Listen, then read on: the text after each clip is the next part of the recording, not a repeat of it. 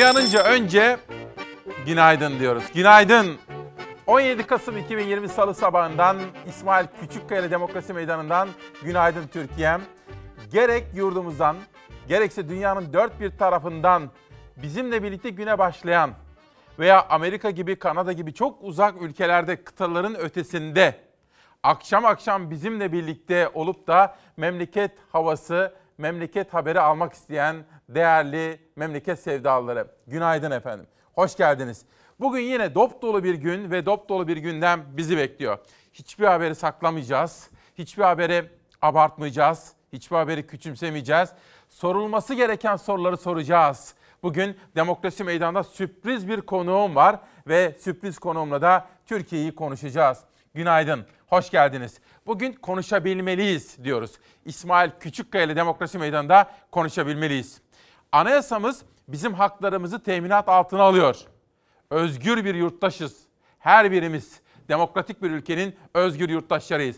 Yönetmenim Hilal'den rica ediyorum. Hiç vakit yitirmeden günün gazete manşetlerini okumaya başlıyorum. Hürriyet. Şimdi şu anda 120'ye yakın aşı çalışması var. Bazılarında neredeyse her şey bitti. Çok olumlu gelişmeler var. Dişimizi sıktık sıktık biraz daha sıkacağız efendim. Şimdi Hürriyet'in manşeti bize umut verecek. ABD aşısında %94,5 başarı. Koronavirüs salgınıyla mücadelede bir müjde de Amerika Birleşik Devletleri merkezi Moderna şirketinden geldi. İlk veriler aşının %94,5 etkili olduğunu gösteriyor. Bir tarafta Almanya'da %90 üzerinde etkinlik, bir tarafta Amerika'da Moderna'da %94,5 nokta etkinlik. Bunun dışında Sağlık Bakanı Fahrettin Koca da uyarıyor. Diyor ki aşıyla ilgili çok olumlu gelişmeler kapıda ama dün bilim kurulu toplantısından sonra yazılı açıklama yaptı. Sağlık Bakanı Fahrettin Koca dedi ki yüzlük yüzlük kuyruğuna kadar getirdik. Dişimizi biraz daha sıkalım. Çünkü yeni tedbirler kapıda. Hastanelerimiz artık doludur. Yatak kalmamıştır neredeyse. Solunum cihazına bağlanan hastalarımız bile bir süre acillerde beklemektedirler. Mevcut bulaşmış hastalarımız bile iki ay içinde ancak bitirilebilirler. Eline mikrofon aldı, ilçenin tamamına böyle seslendi. Mesleği doktorluk olan belediye başkanının anonsu ses getirdi. Mücadelede en ön safta olan doktorlar da sık sık uyarıyor. Nefes alamayan hastalar çırpınıyor. Nefes alamıyorlar, çırpınıyorlar. Korkunç bir şey. Bilincin yerinde olup da nefes alamadığını hissetmek hasta açısından korkunç bir şey. İnanın yoğun bakımda çok zor günler bekliyor bütün hastaları. Yoğun bakımlardan kötü haberler gelmeye devam ediyor. Koronavirüse dair sayılar da tartışmalar da günden güne artıyor. Seyhan Devlet Hastanesi'nde dahiliye uzmanı olan Doktor Nurten İrteş bana bir şey olmaz diyenleri uyardı. Hastalar hani çoğunlukta e, benim başıma gelmez diye düşünen kişiler olduğunu fark ediyoruz. Herkes esnek mesai yaparken biz tam tersi iki katı, üç katı fazla çalıştık bu dönemde. Hastalık en çok doktorları, sağlık çalışanlarını etkiliyor. Son olarak bir ambulans şoförünün hayatını kaybettiğini Türk Tabipleri Birliği sosyal medyadan paylaştı. Bursa'da 112 acil servis hizmetinde çalışan Mehmet Çalışkan virüs nedeniyle yaşamını yitirdi. Acıpayam'da ise koronavirüs vaka sayıları alarm verince belediye başkanı vatandaşları bizzat uyardı. Ben belediye başkanınız Doktor Hulusi Şevkan beni başkanınız olarak değil hekim bir kardeşiniz olarak dinleyiniz lütfen. Başkan Şevkan madde madde sıraladı. Kalabalığa girmeyin, mecbur kalmadıkça toplu ulaşım kullanmayın dedi. Kalabalık yerlere gitmeyelim. Pazar, market, dükkan, her türlü alışveriş yerlerinde uzun kalmayınız. Pazar yerlerimiz gezilecek yerler değildir artık. Dört, zorunlu olmadıkça toplu taşıma araçlarına binmeyiniz. Toplu ulaşımdan kaçanlar varsa özel araçlarını ya da taksileri daha çok tercih ediyor. Ancak binek tipi araçlarda da sosyal mesafeyi sağlamak önemli. Antalyalı taksici sosyal mesafeyi ihlal eden yolculara karşı cansız mankenli önlem aldı. Bazı anlayışsız insanlarla karşılaşınca Ben de manken oturtmayı tercih ettim. Çünkü insanlar koltuğu kaldırmaya çalışanlar oldu. Ön koltuğa ille de oturacağım diyenler oldu. Baktı ki olmuyor, çareyi ön koltuğu doldurmakta buldu Tuğrul Yüksek. Araçların içinde sosyal mesafeye uyulmadığını gösteren bir görüntü ise Gaziantep'ten geldi. 1, 2, 3, 4, 5, 6, 7, 8, 9, 10, 11, 12, 13, 14. Şoförle birlikte 15 kişi.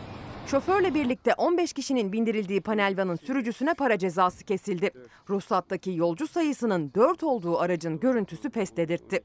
Halbuki en başından beri doktorlar aynı uyarıyı yapıyor. Çok basit olan 3 kurala uymak gerçekten bu hastalık için koruyucu. Maske, mesafe, hijyen deyip basite indirgemiş gibi görünüyoruz ama öyle basit değil. Gerçekten korunabiliyoruz. Bugünkü buluşmamız içerisinde bütün kuşaklarda saat 10.30'a kadar korona ilişkin güncel bilgileri sizlerle paylaşacağım. Covid'e ilişkin pandemiye dair gelişmeleri Ezgi Gözeger haberleştirdi ve güncelliyor. Sizlere an be an anlatacağım. Alper Alhat, Akisar'dan sağlıklı günler diliyor Türkiye'mize. Uyananlara siz kıymetli Çalasat ailesine bakalım. Şükriye Kaydı, Ferhat Bey ve Fahriye Atabay da uyanmış. Türkiye'mize iyi dileklerde bulunuyorlar. Hürriyet gazetesinde aşıya dair haberden sonra Cumhuriyet gazetesine geçiyorum. Bugün korona ilişkin haberlerin dışında reform diyeceğiz, hukuk diyeceğiz, adalet diyeceğiz, konuşabilmeliyiz diyeceğiz. İstanbul'un seçilmiş belediye başkanı da İstanbul'a dair bir konuda konuşabilmeli diyeceğiz. Ne dediğimi, nasıl dediğimi ilerleyen dakikalarda detaylandırmaya gayret edeceğim. İşte Cumhuriyet'in manşeti. Hukuk mu dediniz? Krizi aşmak için demokrasi ve hukuk diyen AKP iktidarı soruşturma ve yasaklara çabuk döndü. İstanbul Büyükşehir Belediye Başkanı Ekrem İmamoğlu hakkında Kanal İstanbul projesine karşı çıktığı gerekçesiyle soruşturma açıldığı duyuruldu. İçişleri Bakanlığı konuya ilişkin yaptığı açıklamada uluslararası bir konuya kamu kaynak kullanarak karşı çıkmanın idarenin bütünlüğü ilkesine aykırı olduğu belirtilerek sorunların araştırılması istendi denildi. Hepiniz çok iyi biliyorsunuz. Çok özür diliyorum. Öbür detaya geçecekler ama.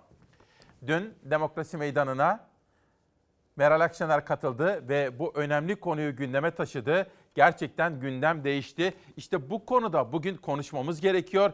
Bir çift sözümüz olması gerekiyor efendim bu konuda. İstanbul'un seçilmiş belediye başkanı İstanbul'a dair bir projede konuşamayacaksa ne yapacak diye bir soruyu hep beraber soracağız.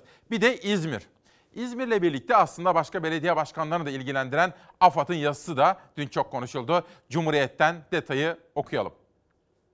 İçişleri Bakanlığı İzmir depremine ilişkin belediye başkanlarına açıklama yapmaması için uyarı yazısı gönderdi. CHP İzmir İl Başkanı Deniz Yücel, kriz yaşanır, konuşma, hak çiğnenir, adalet arama. Bu zihniyetin son ürünü İzmir'de deprem gerçeğini İzmirliler için önlemleri ve yardımları konuşmayı belediye başkanlarımıza yasaklamak olduğu tepkisini gösterdi. Bugün tabii meselenin bütün boyutlarına, bütün taraflarına da bakmamız gerekiyor. İçişleri Bakanı dün akşam Habertürk'te Fatih Altaylı'nın programına katıldı. Acaba hangi açıklama yaptı ve onunla bağlantılı olarak AFAD'dan gelen açıklamanın da detaylarını sizlere aktarmaya gayret edeceğim. Korona ile mücadele konusunda bir önemli haberimiz daha var. Sağlıkçılar, bilim kurulu üyeleri, Türk Tabipleri Birliği bizleri, hepimizi, Sağlık Bakanlığı'nı da uyarıyor. Çok önemli tedbirlerin alınması gerektiğini, İstanbul'un 2-3 hafta kapanması gerektiğini Sayın Bakan'a ilettim. Kendileri de bana e, bu konuya çalıştıklarını, bilim kurulunun ortaya koyacağı tavsiyeye göre de kararlar alacaklarını söylediler. Bu hafta karar verilecek İstanbul için. Bu sözlerden kısa bir süre sonra da bilim kurulu olağanüstü toplandı. Salı günkü Bakanlar Kurulu öncesi masada tavsiyeler var. O tavsiyeler arasında da en çok kapanmanın olup olmayacağı merak ediliyor. Sağlık Bakanlığı'nın tüm Türkiye için 92 ölüm var dediği gün Ekrem İmamoğlu sadece İstanbul'da 164 ölüm olduğunu açıklamıştı. Ayarmanın rengi de haritanın rengi de kırmızı İstanbul'da. Ben sayılarla ilgili e, beyanımı yaptım. Bazı sayıları açıklamakla yükümlü mevkiler var. 15 Kasım tablosu içinde benzer bir açıklama geldi bakanlıktan. 89 ölüm olduğu duyuruldu. Ekrem İmamoğlu Sağlık Bakanı ile görüşmesinin detayını vermedi ama İstanbul'a kapanma gelebileceğinin sinyalini verdi. Biz de hazırlık yapıyoruz. Vefat sayısı olsun, e, çevremizde vaka sayısı olsun her birisi Nisan-Mayıs'tan çok daha yukarılarda, iki kat, üç kat yukarılarda. Ölüm sayılarındaki çelişki aslında bakanlığın kendi tablolarına bile yansıyor. Örneğin bugünkü ölüm sayısına yakın bir ölümün olduğu 28 Nisan. O gün bakanlık 92 kişinin hayatını kaybettiğini açıkladı. Yoğun bakımdaki hasta sayısı ise 1621'di. Son açıklanan 15 Kasım tablosunda ise 89 ölüm açıklandı ama ağır hasta sayısı 3439. Yani ağır hasta sayısı iki katından fazla ama ölüm sayıları aynı. Yoğun bakım yatakları dolu haberleri geliyor. Sırada bekliyorlar. 112 için sırada bekliyor insanlar. Bırakın yoğun bakım yatağını. Yoğun bakımlar içinde benzer bir tablo var. Bakanlık yoğun bakımlardaki doluluk oranını %60'larda açıklıyor. Aslında bu tamamı dolu demek. %60 civarında Sağlık Bakanlığı'nın yoğun bakım yataklarının doluluk oranı diye tanımlaması. Ee, Türkiye'de zaten e, yoğun bakım yataklarının yaklaşık %40'ı özel hastanelerde ve özel hastaneler e, ciddi biçimde direnç gösteriyor COVID-19 vakalarını alma konusunda. Ücretli alıyorlar ve dolayısıyla insanlar bunu karşılayamayacağı için özel hastanelere başvurmuyor. Ve ilkbahardan daha kötü durumda olduğunun bir başka kanıtı. Her hastanenin önünde uzayıp giden test kuyrukları. Yaklaşık 50 dakika oluyor bekleyeli. Sıradayız hala birazdan gireceğiz ama burası kalabalık. 5 gündür öksürüğüm var. Devam ediyor. Bekliyorum. Bugün Bakanlar Kurulu toplanacak. Cumhurbaşkanlığı hükümet sisteminde kabine toplanacak. Dün Sağlık Bakanı'nın başkanlığında bir araya gelen bilim kurulu üyelerinin vermiş olduğu tavsiyeler var. Cumhurbaşkanı Erdoğan'ın başkanlığındaki Bakanlar Kurulu'ndan sonra bugün bazı kararlar alınacak. Bir takım kısıtlamalara gidilebileceğini söylüyor haber kaynaklarımız. Çünkü bu pandeminin artış hızını yayılım hızını bir parça düşürmemiz gerekiyor. Aşıya kadar şöyle 3-4 ayımız var. Dolayısıyla dikkat etmemiz gerekiyor. Çünkü pandemi çok ama çok fazla yayıldı. Başta büyük kentler olmak üzere. Tekrar etmek isterim. Bugün toplanacak Bakanlar Kurulu'nda dün bir araya gelen bilim kurulunun tavsiyeleri doğrultusunda bazı kararlar alınacak, bazı kısıtlamalara gidilecek diye haber kaynaklarımız bize bilgi veriyorlar. Sırada Sözcü ve Sabah gazeteleri var. İktidarın dediğiyle yaptığı birbirine uymuyor ve hukukta reform başladı. Sözcü gazetesinin manşeti. Manşette Özlem Güvemli'nin imzası var. Hem hukukta yeni reform dönemi başlatıyoruz diyorlar hem de İstanbul Belediye Başkanı İmamoğlu'na Kanal İstanbul'a afişle karşı çıktığı için soruşturma açıyorlar. İstanbul Belediye Başkanı İmamoğlu geçen Ağustos'ta şehrin çeşitli noktalarına ya Kanal ya İstanbul afişleri astırmış, bu projeye karşı çıkmıştı. Valilik de bunları bir gece kaldırtmıştı. İçişleri Bakanlığı Mülkiye Müfettişliği'nin bu afişler için İmamoğlu'na soruşturma açtığı ortaya çıktı. Müfettişin İmamoğlu'na gönderdiği yazıda devlet politikası haline gelmiş ve kamu kaynak kullanılarak yürütülen bir projeye yine kamu kaynak kullanılarak muhalefet edilmesinin mümkün olmadığı iddiası dile getirildi. İmamoğlu'ndan 7 gün içinde ifade vermesi istendi. Bu iddiaları dün Meral Akşener gündeme getirdi. Akabinde Ekrem İmamoğlu ve İstanbul Büyükşehir Belediyesi de bu iddiaları doğruladı. Akşamda hem İçişleri Bakanlığı kurumsal olarak hem de İçişleri Bakanı Soylu kendisi Fatih Altaylı'nın programına katılarak bu konudaki eleştirileri yanıtlamaya çalıştı. Ama şunu söyleyeyim. İstanbul'un seçilmiş bir belediye başkanının İstanbul'a ilişkin bir projeye karşı çıkmasında hiçbir beis yok. Bilakis onun tas tamamda görevi işte budur diyeceğiz. Bu sabahki ana gündem maddelerimizden birisi de bu olacak efendim.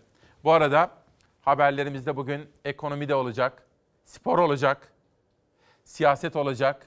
Akşener, İyi Parti, Ümit Özdağ bu tartışmaları da sizlere aktaracağım. Ama önce memleketimize, yurdumuza bir başsağlığı dilemek isterim. Şehitlerimiz var. Şehit haberleri peş peşe geldi. Biri Hakkari'de, diğeri Şırnak'ta iki kahraman şehit oldu. Acı haberleri memleketleri Osmaniye ve Kayseri'ye ulaştı. Hakkari'de teröristlerle girilen çatışmada şehit oldu piyade uzman çavuş Abdurrahman Topuksuz. Osmaniye'deki ailesi oğullarının acı haberiyle yandı. Düziçi ilçesine bağlı Söğüt Gölü köyündeki evleri yasa boğuldu. 29 yaşındaki şehit uzman çavuş Abdurrahman Topuksuz evliydi. Bir çocuğu vardı. Henüz bir yaşına bile girmemiş. Naaşı memleketinde bugün toprağa verilecek. Bir diğer kahramanın şehadet haberi ise Şırnak Silopi'den geldi. Teslim olacak teröristleri kararlaştırılan bölgeye sevk etmek için girdiği Habur çayında ağır yaralandı piyade Teğmen Burhan Sönmez. Kaldırıldığı hastanede yaşama tutunamadı, şehit düştü. Kayserili şehidin baba evi Türk bayraklarıyla donatıldı. Acı haberi alan yakınları Melik Gazi ilçesindeki eve akın etti. Kahraman şehit piyade Teğmen Burhan Sönmez bugün kılınacak cenaze namazından sonra toprağa verilecek. Şehitlerimizin kederli ailelerine sabır diliyorum efendim. Bu arada bizimle birlikte olanlar EYT'liler, EYT'lerin dışında hak arama mücadelesini sürdürenler, ziraat mühendisleri konuşabilmeliyiz diyorlar. Onlar da mesajlarını atıyorlar. Her sabah olduğu gibi hem ana haberimizde hem de çalar saatimizde yaptığımız gibi hak arama mücadelesi veren emekçinin yanındayız. Bugün de madencilere dair haberlerimiz var efendim. Madencilerimiz dün İçişleri Bakanı Soylu ile görüştüler. Müjdeli bir haber verecekler. Onlar bizlere memleketlerine döndüler Soma'ya. Ben de onların bu haklı mücadelelerinde kanal olarak da Çalar Saat olarak da yanlarında olduğumuzu, bu müjdeli haberi beklediğimizi ifade etmek isterim. Sözcüden bir haber daha. Bir saniye bir bilgi vermem gerekiyor. Dün bazı haberler vardı ama teyit etmem gerekiyor dedim. İnanamadım demiştim. Sonrasında güvendiğim insanlarla da konuştum fakat buna da bile gerek kalmadı. Çünkü haber doğru çıktı. İstanbul'da Formula 1 yarışları düzenlendi ya, iyi bir organizasyondu. Bazı polemikler olsa da organizasyon ve asfaltla ilgili övgüler verildi, övgüler yapıldı organizasyon komitesi tarafından. Fakat tam da Hamilton kazandı biliyorsunuz. Ne yapıyor böyle tık diye kutlamalar yapıyordu. O kutlamalarda şampiyon bize gazoz verdiler dedi. Ben de inanmadım. Herhalde espri vardır dedim. Fakat o iddia doğru çıktı. İşte Sözcü'den manşet. İstanbul'daki Formula 1'de büyük skandal. Şampanya görünümlü gazoz patlattılar. Şampiyonun eline F1 geleneği olan şampanya yerine gazoz verdikleri ortaya çıktı. Bir de bunu savundular. Cumhurbaşkanı danışmanı İsmail Cesur, gazoz olayı için F1 Malezya'da, Birleşik Arap Emirlikleri'nde ve Bahreyn gibi Müslüman ülkelerde hassasiyet gözetiyor dedi. Yani yani laik Türkiye'yi dini kurallarla yönetilen ülkelere benzetti, tepki çekti. Tabii bu ortaya çıkan manzara, bu manzaradan sonra da bugün köşe yazılarına baktığım zaman Hürriyet gazetesinde gerek Ahmet Hakan gerekse Ertuğrul Özkök bu konuda yazılar yazmışlar ve mesela Ertuğrul Özkök şunu soruyor. Bu kimin fikri olabilir diyor. Koskoca Cumhurbaşkanı bu kadar küçük meselelerle ilgilenmeyeceğine göre Türkiye'de bu kadar önemli bir uluslararası organizasyonda bu haberlerin ortaya çıkmasına neden olanlar kimler diye sorgulama yapıyor Ertuğrul Özkök bugünkü yazısında efendim. Sözcüden sabaha geçelim. Bir asır sonra tarihi kavuşma. Azerbaycan'a asker gönderilmesine ilişkin tezkere mecliste. Mehmetçik tam 102 yıl sonra yeniden kardeş ülkeye gidiyor diyor efendim. O halde şimdi hiç vakit yitirmeden hep beraber Kafkaslara gidiyoruz. Azerbaycan'a asker gönderilmesine ilişkin Cumhurbaşkanlığı tezkeresi Meclis Başkanlığına sunuldu. Tezkerede Azerbaycan'da kurulacak Rusya-Türkiye ortak merkezinde Türk Silahlı Kuvvetleri personelinin görev yapacağı belirtildi. Azerbaycan, Rusya ve Ermenistan'ın aralarında vardıkları mutabakatla 10 Kasım'da ilan edilmişti ateşkes. Ermeni işgali altındaki bölgelerin Azerbaycan'a iadesi için takvim oluşturuldu. Ateşkes ve iade takvimine uyulup uyulmadığını denetlemek üzere Azerbaycan'da ortak merkez oluşturulma kararı alındı. Azerbaycan'ın talebi üzerine ortak merkezde Türkiye ve Rusya'ya yer alacak. Tezkere kabul edilirse süresi bir yıl olacak. Karabağ'da ağır kayıp veren Ermenilerin hedefinde ise Başbakan Nikol Paşinyan vardı. Binlerce kişinin sokaklarda istifasını istediği Paşinyan, halka sesleniş konuşmasında Dışişleri Bakanı'nı görevden alma kararı verdiğini açıkladı. Ermenistan Dışişleri Bakanlığı ise Bakan Zograb Natsakanya'nın istifasını duyurdu. Mutabakat çerçevesinde Rus askerleri Karabağ'da gözlem noktaları oluşturmaya başladı. Ateşkesin ardından Azerbaycan Cumhurbaşkanı İlham Aliyev de ilk defa Karabağ'daydı. Ermenistan'dan kurtarılan bölgede Azerbaycan bayrağını öperek göndere çekti. Kafkaslardaki gelişmeleri Ali Onur Tosun takip ediyor efendim. Editörümüz Zeray Kınacı kıymetli anne ve babasına bakmak üzere Alanya'ya gitti. Orada tedavileri devam ediyor. Durumları iyi. Zeray Kınacı bu hafta olmayacak. Onun yerine Ali Onur Tosun bize yardım ediyor efendim. Sizlerden gelen yorumlar benim için o kadar kıymetli ki bu zor zamanlarda birbirimize yarenlik yapıyoruz öyle değil mi? İşte bakın Mehmet Bey. İsmail abi diyor, hoş beş onu geçelim. Ben turizmciyim, durumumuz çok kötü. Benim elimden çiftçilik geliyor çok şükür ama çiftçinin durumu da daha kötü. Ekip biçiyorsun, sonuç borç, elektrik, su, mazot, gübre, tohum aldı başını gitti. Hasat sonu borç diyor. İşte bunu konuşmamız gerekiyor. Böyle bizim haber kanallarımıza, haber kanallarımızda incir çekirdeğini doldurmayacak konularla, boş polemiklerle, tartışmalarla ülkeyi oyalayacağımız yerde ülkenin esnafı, işsizi, genci, ülkenin çiftçisi, ülkemin emeklisi ne durumda? Bunları konuşup iktidarıyla, muhalefetiyle gündemi oraya doğru yöneltmemiz gerekiyor. Gazetecilerin asli görevi budur diyorum. Sabahtan bir güne geçiyorum. AKP'nin reform aldatmacısı 3 gün dahi sürmedi. Konuşma, yazma, itiraz etme. Erdoğan'ın günlerdir dillendirdiği hukukta reform aldatmacısı 3 gün sürdü. İmamoğlu'na Kanal İstanbul'a karşı çıktığı için soruşturma açıldı. Belediye başkanlarına depremle ilgili konuşma yasağı getirildi. Bu konu önemli. Çünkü hukuk diyeceğiz, demokrasi diyeceğiz, insan hakları diyeceğiz, ifade özgürlüğü diyeceğiz. Dün burada tam da şurada Meral Akşener vardı ve yapmış olduğu açıklamalar gündem oldu gerçekten. Özellikle Ekrem İmamoğlu'na dair vermiş olduğu soruşturuluyor şeklindeki bilgi gündemi fena halde değiştirdi. Buna bakacağız. Sonra Soylu ne dedi, İçişleri Bakanı hangi açıklama yaptı ona da bakacağız. Bir de İzmir Belediye Başkanı'na İzmir'deki depreme dair konuşma şeklinde AFAD'dan bir yazı gittiğine dair iddialar ortaya çıktı. Ben sonra İzmir'i de aradım. İzmir Belediye Başkanı'yla da konuştum. Ortaya çıkan manzarada düzeltilmesi gereken hususlar var. Önce İstanbul Belediye Başkanı'na Kanal İstanbul'la ilgili giden uyarı, inceleme, soruşturma yazısı.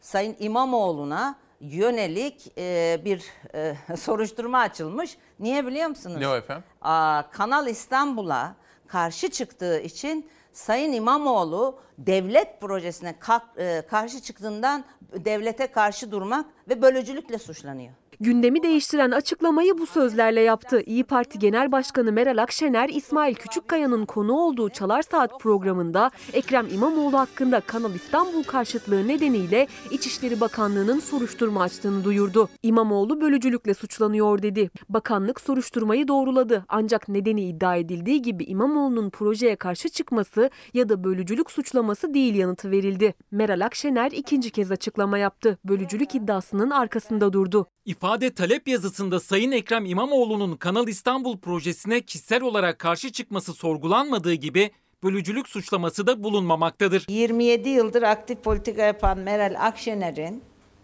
hiçbir zaman söylediği herhangi bir konu tekzibe uğramamıştır.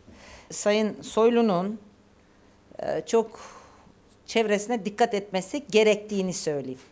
Kanal İstanbul tartışması bu kez çok farklı bir boyutuyla gündemde. İlk kez Akşener'in Fox ekranında duyurduğu soruşturmayla ve projeye karşı çıkılması gerekçesiyle. Arkadaş böyle bir şey olabilir mi? Devletin projesine, devletin, devletin, şahsımın oluyor.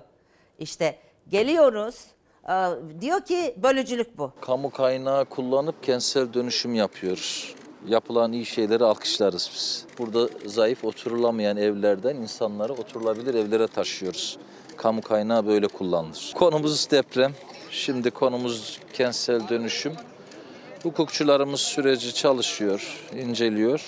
Şimdilik bir şey söylemeyeceğim. Hakkında soruşturma açılan Ekrem İmamoğlu süreç hukuken inceleniyor dedi. Soruşturma konusuysa İstanbul'daki billboardlara asılan üzerinde ya Kanal ya İstanbul ifadesi yer alan bu afişler. Kanal İstanbul projesine karşı yükselen sesler bu zamana kadar sık sık engellendi. Çevrecilerin yaptığı protestolar polis engeliyle karşılaştı. Hatta projeye karşı yapılan eylemlerde resim çizmek, şarkı söylemek dahi yasaklanmıştı. Şimdi son olarak İstanbul Büyükşehir Belediye Başkanı Ekrem İmamoğlu hakkında soruşturma başlatıldı. Soruşturmaya konu olan afişlerse Ağustos ayında valilik kararıyla toplatılmıştı. İşte İçişleri Bakanlığı Mülkiye Müfettişliği tarafından İmamoğlu'na gönderilen o belge. İBB'nin kurumsal kimliği kullanılarak hazırlanan afişlerle devlet projesine kamu kaynağı kullanmak suretiyle karşı çıkmakla suçlanıyor İmamoğlu. Yani Kanal İstanbul için devlet projesi vurgusu yapılıyor. Aynı vurgu İçişleri Bakanlığı açıklamasında da var. Ekonomik bir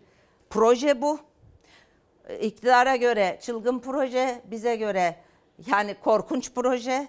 Şimdi bu denildiği için olmuş devlet projesi. Kanal İstanbul için e, devlet projesi deniliyor soruşturma için yapılan açıklamada. E, Kanal İstanbul bir devlet projesi mi? Neden devlet projesi? Ee, yani benim için değil. Konuşabilmeliyiz. Etiket buradan çıktı. Hepimiz konuşabilmeliyiz efendim. Şöyle düşünün. Mesela siz, evet evet siz belediye başkanı seçildiniz. Milyonlarca oy aldınız ve seçimden önce rakibiniz, rakibinizin içinde bulunduğu parti, iktidar partisi Kanal İstanbul vaadinde bulundu. Siz Kanal İstanbul yaptırmayacağım dediniz.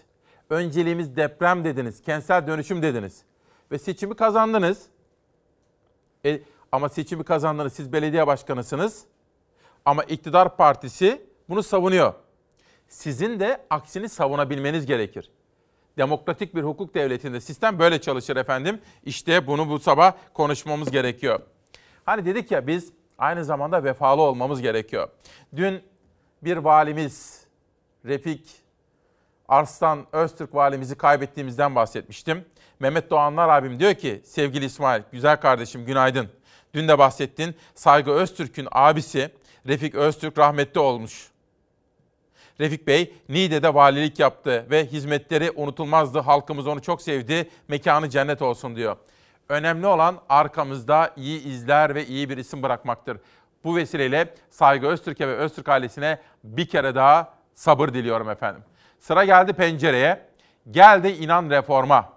Berat Albayrak sonrası hükümetin reform mesajları tartışılırken İçişleri Bakanlığı İmamoğlu hakkında Kanal İstanbul'a kamu kaynaklarıyla karşı çıktığı gerekçesiyle inceleme başlattı. Bakanlığa göre Kanal İstanbul bir devlet projesi ve İmamoğlu buna sadece şahsi olarak karşı çıkabilir diyor. Tabii bu olay dün ortaya çıkınca çok konuşuldu, çok tartışıldı. Galiba diyorum ben de haberi izlerken Soylu dün akşam Ciner grubunun televizyon kanalı Habertürk'e bağlandı Fatih Altaylı'ya ve orada bir açıklama yaptı. Haberi izlerken siz de şunu sorgulayın lütfen. Galiba Erdoğan, AK Parti lideri ve Cumhurbaşkanı Sayın Erdoğan reform reform yapıp eskiye dönmeye çalıştıkça galiba onun böyle eteklerinden, paçalarından aşağı doğru çekmeye ve onu yapmaya çalıştı. Bu reformlardan alıkoymaya çalışanlar mı var? Benim aklıma işte bu soru takılıyor. Elbette ki bir belediye başkanı kendi bulunduğu alanla ilgili eğer bu projeyi beğenmiyorsa hükümet kamu yatırımıysa da bununla ilgili değerlendirmelerini hatta eleştirilerini ortaya koyabilir. E zaten e, belediye başkanları bu konuda iktidar partisinin de muhalefet partilerinin de belediye başkanları bunlardan da sarf nazar etmiyorlar. Eleştirisini ortaya koyabilir. Ancak şimdi e, belediyenin kendi imkanlarını kullanarak işte yani belki çizgi çekilmesi gereken alan burası. Belediyenin kendi imkanlarını kullanarak e, bu konuda buna kaynak ayıramaz. Bu konuyu konuşabilmeliyiz. Mesela bana da fikrimi soruyor Mehmet Bey. Ben de bu Kanal İstanbul'u doğru bulmuyorum. E, vatandaşım, gazeteciyim. Ben de depreme karşı alınması gereken önlemlerin öncelikli olması gerektiğini düşünüyorum. Ama bu demek değildir ki tartışamayalım. Buraya gelecekler, onlarla da tartışacağız. Bunları tartışabilmeliyiz. Ülkemizin menfaatleri için konuşabilmeli ve ortak iyiyi arayabilmeliyiz diyorum. Bugün Gün Boyu gazetesi dikkatimi çekti. Farkında mısınız efendim? Bu pandemi nedeniyle Antalya'ya gidenler, Alanya'ya gidenler, Fethiye'ye gidenler, Bodrum'a gidenler, Çeşme'de yazlığını geçirenler kaldılar biliyor musunuz? Büyük kentlere dönmediler efendim. Yani oradaki yazlık evler oldu kışlık ev. Ama nasıl ısınacaklar kışın o da bir soru işareti. İşte manşet. Virüs nedeniyle dönülmeyince ısınmaya talep patladı. Yazlıklar kışlık oldu diyor Gün Boyu gazetesi. Bu yıl pandemi yüzünden kış aylarını yazlıklarında geçirme kararı alan yazlıkçı vatandaşlar ısı pompası talebini %70, şömine ve klima talebini ise %20 oranında artırdı diyor efendim. Bir de diplomasiden bir haber. Amerika Birleşik Devletleri'nde başkan değişiyor biliyorsunuz. Joe Biden seçildi. Her ne kadar Trump birazcık nazlansa da 20 Ocak'ta görevi devredecek Joe Biden geliyor. Fakat Trump'ın sağ kolu Pompeo Orta Doğu ülkelerini kapsayan bir geziye çıktı. Pompeo Türkiye'ye de geldi. Amerikan Dışişleri Bakanı Mike Pompeo veda turuna çıktı. 7 ülkeden oluşan ziyaret turları için yola koyuldu. Amerikan Dışişleri Bakanı gece saatlerinde Türkiye'ye geldi.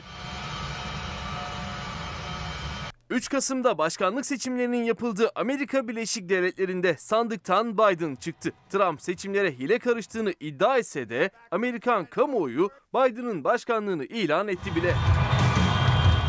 Trump ve ekibi Ocak ayına kadar görevde kalacak. Amerikan siyaseti geçişin nasıl olacağını tartışırken Trump yönetiminin Dışişleri Bakanı Mike Pompeo da veda turlarına başladı.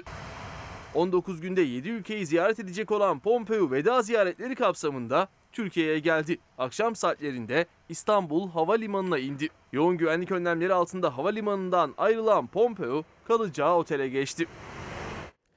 17 Kasım 2020 Salı sabahında İsmail Küçükkaya Demokrasi Meydanı'nda bu özel günde hava durumunu merak ediyor musunuz? İşte yanıtı. Bugün batı ve iç kesimler sisli, Doğu Karadeniz kıyıları yağmurlu. Yurdun en kuzey doğusundaysa kar yağışı başladı dün. Mevsimin ilk karı Kars Ağrı çevreleriyle Hakkari'de kendini gösterdi. Kar yağışı sevinçle karşılandı. Uzun zamandır bu kar yağışını bekliyorduk zaten. Siz de görüyorsunuz her taraf beyaza büründü. Umarım kar yağışı devam eder bereketli bir sezon geçiririz. Bereket dedi Abdülkadir Özdemir. Kuraklığın tehlikeli boyutlara ulaştığı son dönemde kar yağışı umut verdi. Sarıkamış'tan karın ve soğuk havanın ana vatanından geldi görüntüler. Ağrı Diyadin'de de kar yağışı yüksek kesimlerde etkili oldu. Yerde beyaz örtü oluşturacak kadar yağdı. Bir diğer kar haberi ise Hakkari Yüksekova'dan. Karın ardından gelen yağmur yerde biriken örtüyü eritti. Dün kar yağan yurdun en kuzey doğusunda bugün yağış beklenmiyor. Doğu Karadeniz kıyıları yağmurlu olacak. Marmara'da, İç Anadolu'da ve Ege'de ise hava sisli. Sıcaklıklarda şimdilik değişiklik yok. Çarşamba günü ise Marmara bölgesinde hava kapatacak ve zamanla yağmur etkili olmaya başlayacak. Doğu Karadeniz kıyılarında da yine yağmur bekleniyor hafta ortasında. Karadeniz'in orta ve doğu kesimlerinde salıdan çarşambaya ciddi bir sıcaklık düşüşü de bekleniyor. Yüksekler karla karışık yağmur görebilir. Perşembe günü ise Marmara, Ege ve Karadeniz'de hava soğuyor. Yağışlı hava Ege ve Akdeniz bölgeleriyle iç kesimleri de etkisi altına alıyor. Perşembe üşütmeye başlayan soğuk hava bir süre etkisini sürdüreceğe benziyor. Bugün çok ağırlıklı olarak ekonomi haberleri var. Korona ilişkin manşetler var. Tarıma ilişkin, esnafa ilişkin haberler var. EYT'nin sesini duymaya çalışacağız. Ayrıca İzmir depremini konuşacağım. Dün sizlere söz vermiştim. İstanbul depremini konuşacağım. Kanal İstanbul'u da konuşacağım. Türkiye genelindeki kentsel dönüşümü konuşacağım. Sürpriz bir konuğum var. Bakan geliyor efendim. Çevre ve Şehircilik Bakanı Sayın Murat Kurum geliyor biraz sonra. Demokrasi Meydanı'nda kendisiyle sohbet edeceğiz. Konuşabilmeliyiz diyoruz bu sabah. Demokrasi Meydanı burası. Timur Soykan Baronlar Savaşı kitabını yazmış. Zindaşti olayının perde arkası ve bana da imzalayarak göndermiş. Kendisine çok teşekkür ediyorum. Bu kitabı okuyacağım ve size özetler sunacağım efendim. Ne dersiniz? Günün ilk sade kahvesini hak ettim mi? Konuşabilmeliyiz. Evet evet konuşabilmeliyiz. Birbirimizin yüzüne bakabilmeli. Eleştirilerimizi birbirimize ifade edebilmeli. Birbirimizi dinleyebilmeli ve ortak iyiyi beraberce arayabilmeliyiz. Bu nezaketi gösterebilmeli. Bu medeni davranışı kabullenebilmeliyiz efendim. Günaydın. 17 Kasım 2020 günlerden Salı İsmail Küçükkaya ile Demokrasi Meydanı'na hoş geldiniz. Bugünkü etiketimiz konuşabilmeliyiz. Yönetmenim Hilal'den rica edeceğim. Gazetelerin ikinci tur haberleri gelecek. Milli Gazete'de sıvı yağ fiyatlarındaki müthiş artışa dair bir haber dikkatimi çekti. İşte o haber. Milli Gazete'nin Yağ Bey manşetiyle duyurduğu sıvı yağ zamları durdurulamıyor. 5 litrelik sıvı yağ 70 liraya dayandı. Milli Gazete'nin aylar önce Yağ Bey manşetiyle gündeme taşıdığı sıvı yağ fiyatları artışı sürdürüyor. Yılbaşında 30-35 lira arasında satılan 5 litrelik ayçiçek yağı geçen 10 ayda 70 liraya dayandı. İkiye katlayan yağ fiyatlarında artışın en büyük nedeni maliyetinin artması nedeniyle çiftçinin ayçiçeği ekememesi ve ithal edilen yağ. Dünyada ayçiçeği ithalatında lider olan Türkiye 2019 yılında 1 milyon 136 ton ayçiçeği ithal etti diyor efendim. Günün önemli haberlerinden birisi de ekonomiydi. Onu da gündeme taşıyacağım. Ayrıca dün Demokrasi Meydanı'na katılan İyi Parti lideri Akşener'in yaptığı açıklamalar gündem oldu. Bilhassa Akşener'in Ekrem İmamoğlu'na soruşturma açıldı diyerek ilk kez kamuoyuna duyurduğu haber gündemi fena halde sarstı. Bugün ana gündem maddelerimizden birisi de bu olacak. Ama önce neydi? Önce neydi? Can sağlığı. Tüm Türkiye'de genel bir artış eğilimi mevcut. Ancak İstanbul başta olmak üzere ülkemizin genelinde daha ciddi seyrediyor. Birçok ilimizdeki artış sağlık kuruluşlarımız üzerindeki baskının da artmasına sebep oluyor. Bilim kurulunda artış hızının yüksek seyrettiği illerimizin üzerinde özel olarak durduk. Sayılar hızla artıyor, kısıtlama olacak mı sorusu akıllardan çıkmıyor. Bilim kurulu toplandı, beklenen açıklama geldi. Kısıtlamaların genişletilebileceği sinyalini Sağlık Bakanı yazılı açıklamayla verdi. Hastalığın yayılmasını önleyici somut tedbirlerin hayata geçirilmesinin tavsiye edilmesi yönünde karar alındı. Koronavirüse dair sayılar hızla tırmanırken pek çok ülkeden peş peşe kısıtlama haberleri geliyor. Türkiye'de sayılar tam olarak açıklanmasa da Sağlık Bakanlığı'nın açıkladığı kadarıyla hasta sayıları bile alarm veriyor. Son olarak tablo 3316 yeni hasta dedi. Türk Tabipleri Birliği ise tablo üzerinden yaptığı 4 işlemle vaka sayısının 87 bin olabileceğini duyurdu. Yarı pozitif artı radyolojik tomografik bulgusu olan olgularımızın %3.8'i eğer 3316 ise 35 yıllık bir göğüs hastalıkları uzmanı, bir hekim olarak, sahada bulunan bir kişi olarak bu %3.8'in %100'ünü şöyle bir dört işleme döktüğümde bugünkü gerçek vaka sayımız 87.263 rakamı ortaya çıkıyor. Türk Tabipleri Birliği Merkez Konseyi üyesi Doktor İbrahim Akkurt %3,8 olarak açıklanan zatürre olma oranı üzerinden hesap yaptı. Tabloya yansıyan 3316 yeni hasta zatürre olanlar olarak kabul edilirse toplam vaka sayısı 87.263 olarak hesaplanıyor. Türk Tabipleri Birliği vefat sayılarına da şerh düştü. Maalesef 94 kişiyi kaybetmişiz. Ancak gerçekten 94 kişi mi bu? Son tabloya göre salgın 94 kişinin daha ölümüne neden oldu. 3616 ağır hasta var. Sayıların korkutan artışı nedeniyle beklenti ve talepler kapanma olması yönünde. Başta İstanbul olmak üzere kritik durumdaki şehirlerde kapanma olup olmayacağı bugün Bakanlar Kurulu toplantısında belli olacak. Vaka artışında birinci etkenin insan hareketliliği ve toplu mekanlarda bulunma olduğuna dikkat çekerek alınması gereken kısıtlayıcı tedbirler tüm detaylarıyla masaya yatırıldı. Bilim kurulu toplandı, kısıtlayıcı tedbirler masaya yatırıldı akşam saatlerinde. Restoranlardansa bir iddia geldi. O iddiaya göre Turizm Restoran Yatırımcıları ve İşletmecileri Derneği üyesi olan işletmecilere 3-4 hafta sürecek bir kapanma olacağının haberini telefon mesajıyla bildirdi.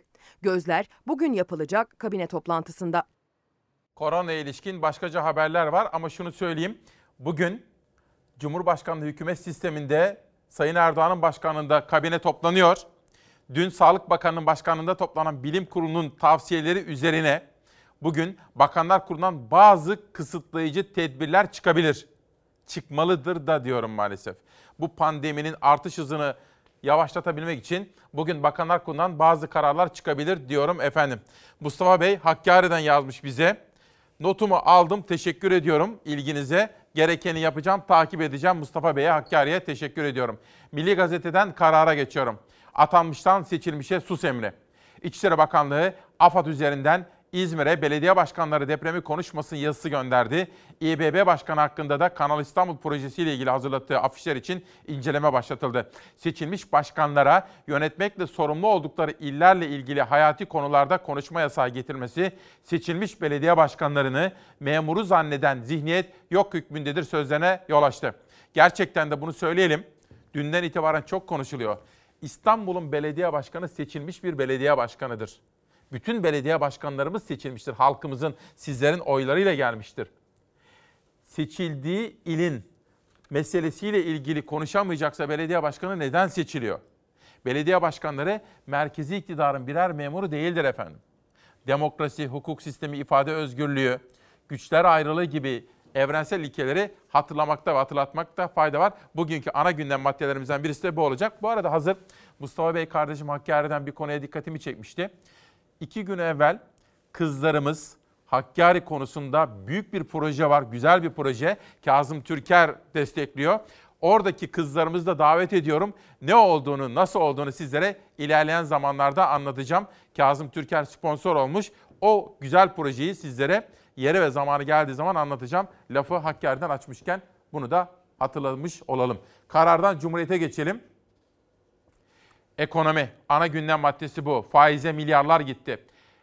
Lütfü Elvan ekside başladı. Durdurulamayan bütçe açığı 145 milyar liraya aştı. Bütçedeki açık bir türlü önlenemiyor.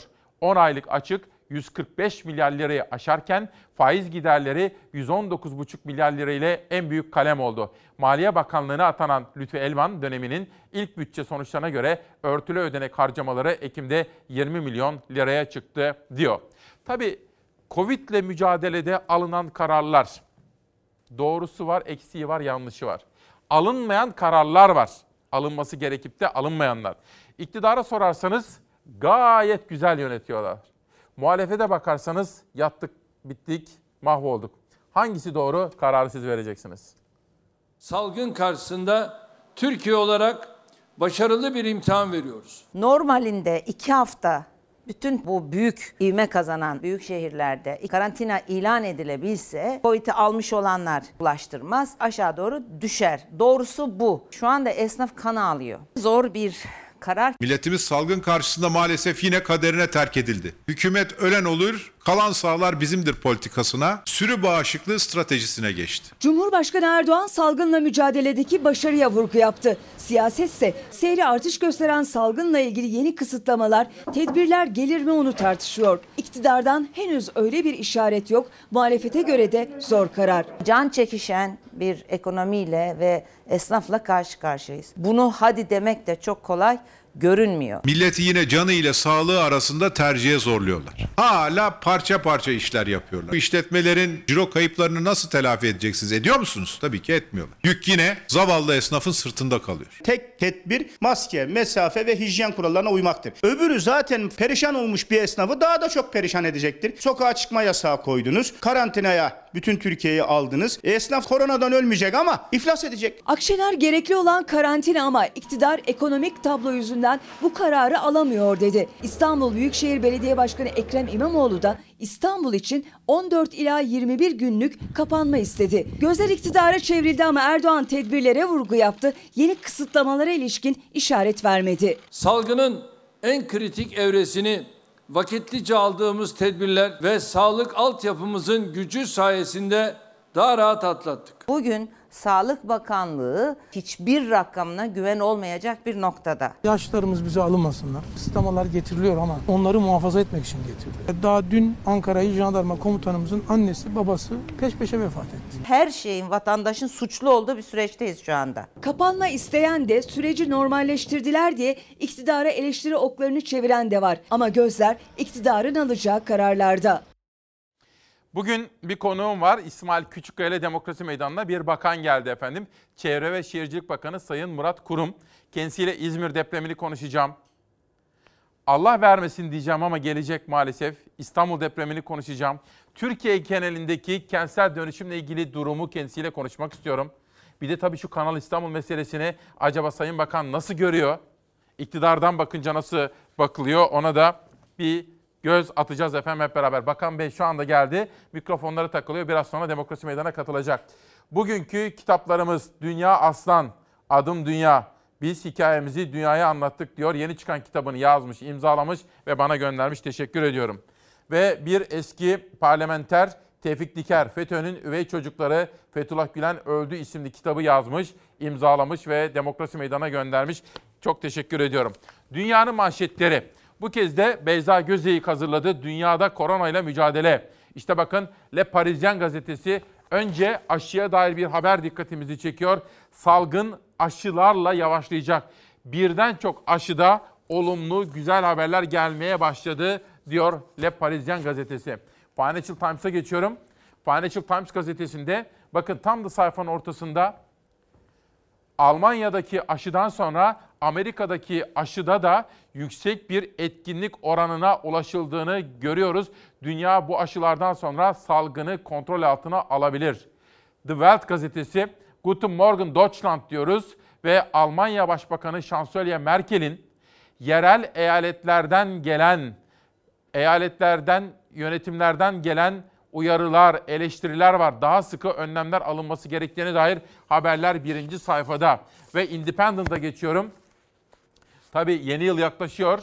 Hristiyanlar için Christmas yaklaşıyor. Açlar, yoksullar da sıcak yemek için kuyruklara giriyorlar. Yardım edilsin açlara diyor Independent gazetesi efendim. Dünyanın korona ile mücadelesinin günlük rapor ve bilançosu. Aşı haberleri peş peşe geliyor. Son olarak Amerikalı biyoteknoloji şirketi geliştirilen aşının %95 oranında etkili olduğunu duyurdu. İngiltere ise aşıdan 5 milyon doz sipariş etti. Virüs hızla yayılırken karantina kararı veren ve sıkı tedbirler uygulayan ülkelerin sayısı da artıyor. Dünya koronavirüs kabusundan uyanamıyor. Virüste temas bugün 55,5 milyona dayandı. Can kaybı 1 milyon 300 bini geçti. Salgınla mücadelede Türk bilim insanlarının geliştirdiği aşının ardından bir aşı müjdesi de Amerika Birleşik Devletleri'nden geldi. 30 bin gönüllü üzerinde denenen aşının %95 oranında başarılı olduğu açıklandı. Aşının özellikle yaşlılar ve yüksek risk grubundaki kişilerde etkili olduğu ifade edildi. İngiltere Amerikalı şirketin geliştirdiği aşıdan 5 milyon doz sipariş etti. Başka bir Amerikan şirketi tarafından geliştirilen aşıya göre yeni aşı daha pahalı. Ancak daha uzun süre muhafaza edilebilir olması İngiltere tarafından tercih sebebi oldu. Vaka sayılarının arttığı Almanya'da ise hükümet önlemleri sertleştirmek için harekete geçti. Buna göre okulların açık kalması planlanırken öksürük, nezle gibi soğuk algınlığı belirtileri gösterenlerin derhal karantinaya alınması gündemde. Almanya Başbakanı Merkel, sokağa çıkma yasağının virüsün önüne geçmede yeterli olduğunu söylemek için henüz erken dedi. İsveç salgının başında sokağa çıkma kısıtlaması uygulamadı. Uygulamadığı gibi ticari işletmeleri de kapatmadı. Ve hayat uzun bir süre normal akışında devam etti. Ancak bugün durum İsveç modelinin de sonunu getirdi. 24 Kasım'dan itibaren 4 hafta süreyle dışarıda 8'den fazla kişinin toplanması yasaklandı. İnsanlara ilk defa evde kalın çağrısı yapıldı. İtalya'da salgının tarihini yeniden şekillendirecek bir açıklama yapıldı. Akciğer kanseri tanımaları kapsamında yapılan bir araştırmada virüsün ülkede Ocak ayı sonundan çok daha önce Eylül 2019'da var olduğu ortaya çıktı. Salgının kaynağı olan Çin ilk resmi vakayı Aralık sonunda dünyayla paylaşmış, daha sonra geriye dönük ilk vaka tarihi olarak Kasım 2019'u açıklamıştı. Evet efendim Demokrasi Meydanı'nın bu sabahki konuğu Çevre ve Şehircilik Bakanı Sayın Murat Kurum gelmek üzere yayınımıza birkaç dakika içerisinde sizlerle buluşturacağım. Eyüphan Erkül Cahide isimli kitabını yazmış, imzalamış ve bize göndermiş. Kendisine teşekkür ediyorum. Bu arada o kadar yaygınlaştı ki Covid. Osman Gümrü hocam var benim. Çok kıymetli hocam biliyorsunuz. Onun kızı ve oğlu da Yiğit de Deniz de Covid'e yakalandılar ama durumları iyi, kontrol altında gözüküyor. Dolayısıyla ben başta Osman Gümrü hocamız olmak üzere bütün hasta yakınlarımızı da buradan selamlamak istiyorum. Hastalarımıza da geçmiş olsun derken. Sırada Bir Gün Gazetesi Milli Eğitim'den itiraf gibi eşitsizlik raporu. Çok çocuk, az eğitim. Mustafa Bildirce'nin haberi. Öğrenciler arasındaki eşitsizlik Milli Eğitim'in eşitlik analizi çalışmasında ortaya çıktı. Buna göre hanelerin EBA için cihaz erişimi ortalaması %68 ile 88 arasında değişirken yoksul hanelerde bu oran %39'a kadar düştü. Rapora göre evdeki çocuk sayısı arttıkça uzaktan eğitime erişimde karşılaşılan güçlükler de derinleşti. Raporda kız öğrencilerin daha fazla ev işi yapmaları beklendiği için bir saniye bu cümleyi bir kere daha okuyacağım. Raporda kız öğrencilerin daha fazla ev işi yapmaları beklendiği için EBA'da daha fazla dezavantajlı olabileceği ifade edildi. Buradan anne babalara şu çağrıda bulunmak istiyoruz. Kızlarımız da erkek çocuklarımız da uygun bir dille eğitilmelidir. Ayrım gözetilmeksizin. Kız çocuklarımız gibi erkek çocuklarımızın da ev işlerine yardımcı olabilecek şekilde yetiştirilmeleri son derece önemli diyorum. Bir de Türkiye gazetesine göz atmak istiyorum. Bugün çarpıcı bir manşet gördüm. İlk adımı Dost Azerbaycan atıyor diyor İhlas grubunun gazetesi. Kardeş ülkeler KKTC'yi tanıyacak. Avrupa Birliği KKTC'yi tanırsanız biz de Karabağ Özerk Cumhuriyeti'ni tanırız diyerek Bakü'yü tehdit etti. İşgal bitti, Avrupa Birliği kozunu kaybetti. Azerbaycan ve 3 dost ülkeden KKTC mesajı geldi. Somut adımlar bekliyoruz. Efendim ben şimdi bakanı huzurlarınıza davet ederken siz o arada dün burada demokrasi meydanında konuştuğumuz anayasa iddiaları ile ilgili Akşener'in ve muhalefetin, iktidarın söylemlerinin haberini izliyoruz. Bir deli bir kuyuya taş attı nasıl çıkaracağımızı bilemiyoruz. Büyük bir hayretle izliyorum. Böyle bir şey yok. Meral Akşener'e ok atacağım diyerek bütün siyasi partileri de böyle bir çalışma yaptınız hı, gizli gizli diyorsunuz. Şimdi HDP açıkladı ki yok böyle bir şey diye. E, Sayın Kılıçdaroğlu şimdi açıkladı. Yok böyle bir şeydi. Ben zaten öldüm anlatırken. Millet İttifakı'nın ortakları HDP ile anayasa çalışması yapıyor iddiası ortaya atıldı. Siyaset dalgalandı. O iddiayı ortaya atan Ümit Özdağ İyi Parti'den ihraç edildi. Meral Akşener hem Özdağ'a tepki gösterdi hem de anayasa yapmıyoruz, sistemi değiştirmek istiyoruz dedi. Anayasa yapmıyoruz biz. Biz Atatürk'ün yaptığı ve bugüne kadar bir daha tekrarlanmayan bir şey yapmaya çalışıyoruz. Sistemi tasarlıyoruz biz önce. Otomobil yapılır ya. Önce onun tasarımı yapılır. Mekaniği, donanımı yapılır. Trafiğe çıktığı zaman ne yapacağıyla ilgili de bir yazılım konur. İyileştirilmiş, güçlendirilmiş parlamenter sistemi tasarlıyoruz. Şöyle yapabiliriz. Evet. evet.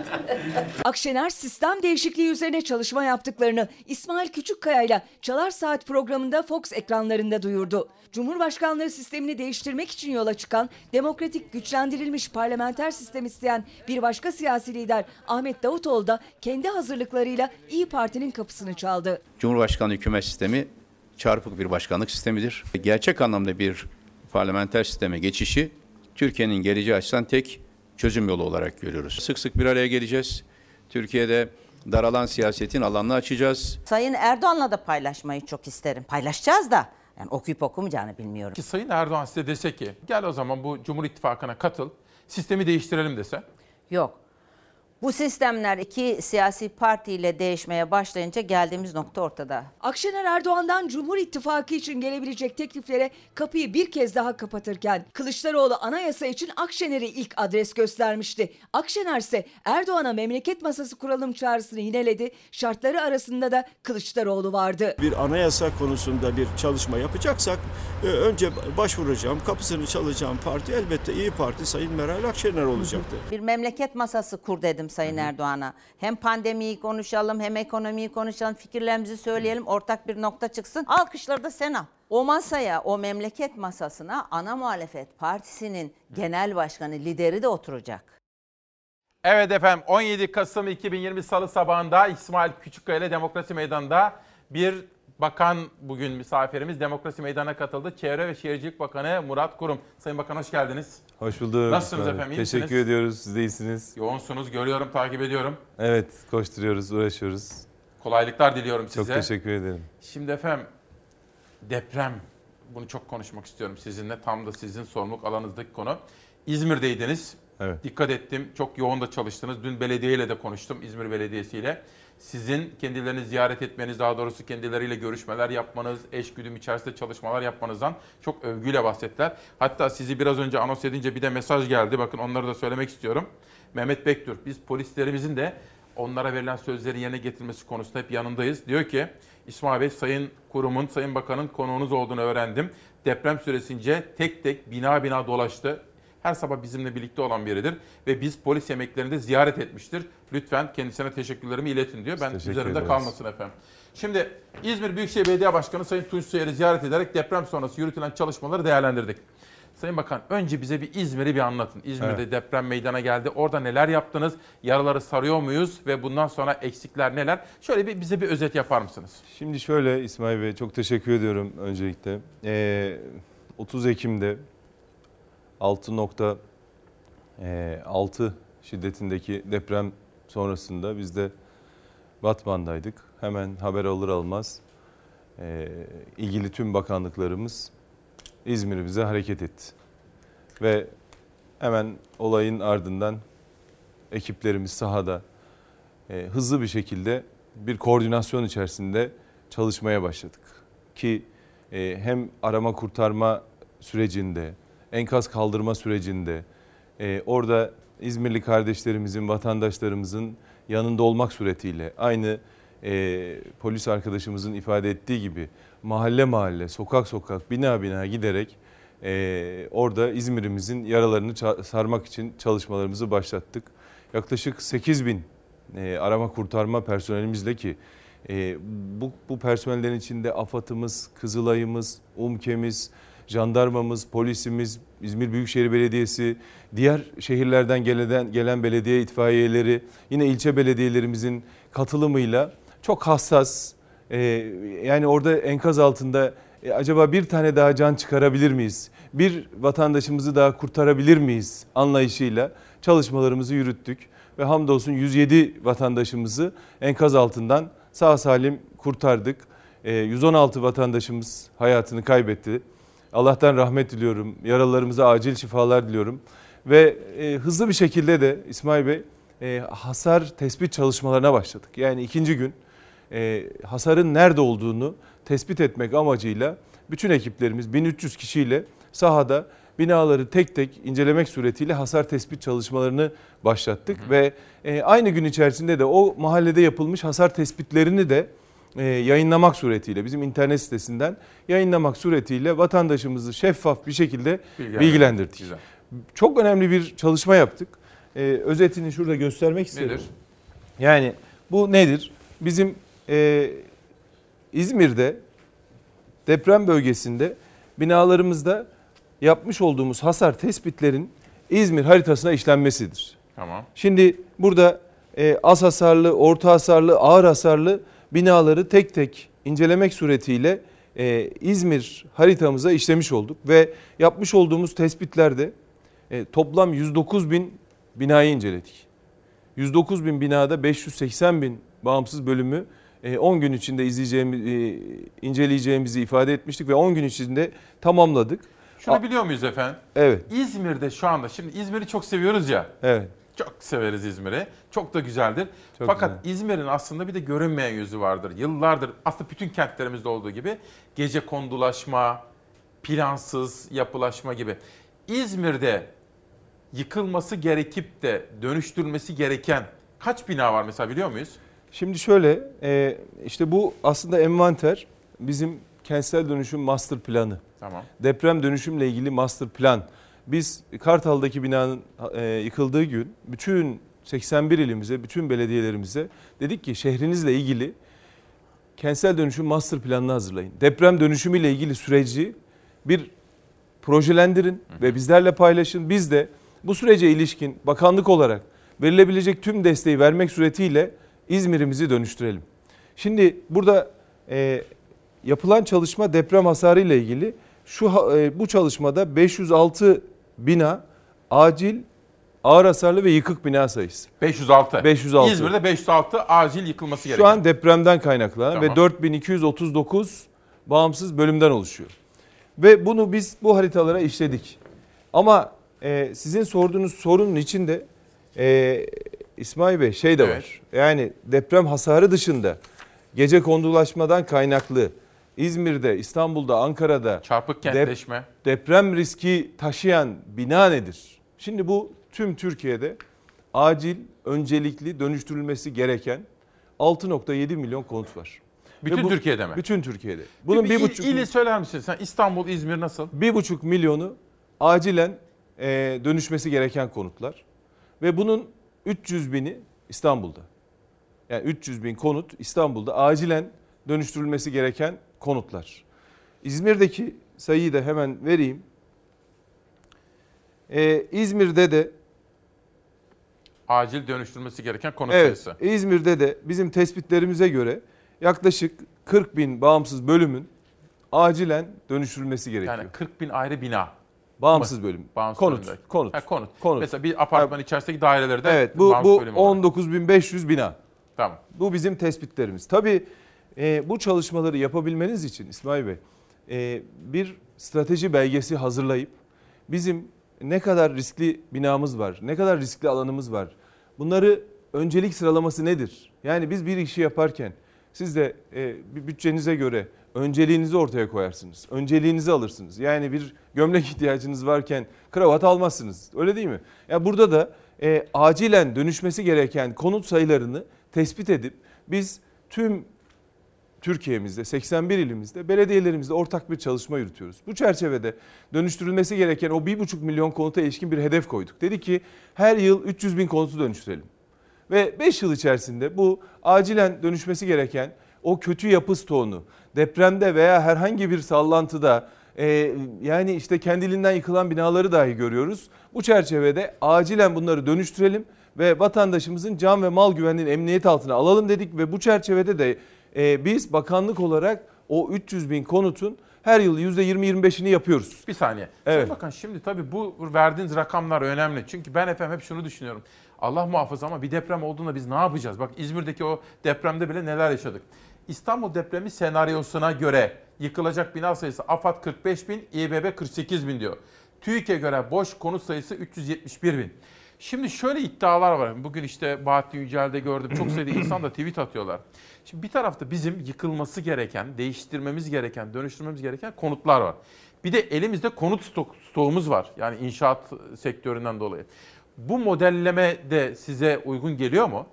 Şimdi e, burada her türlü modelleme yapılabilir. Hı. Önemli olan e, ne yapmak istediğiniz.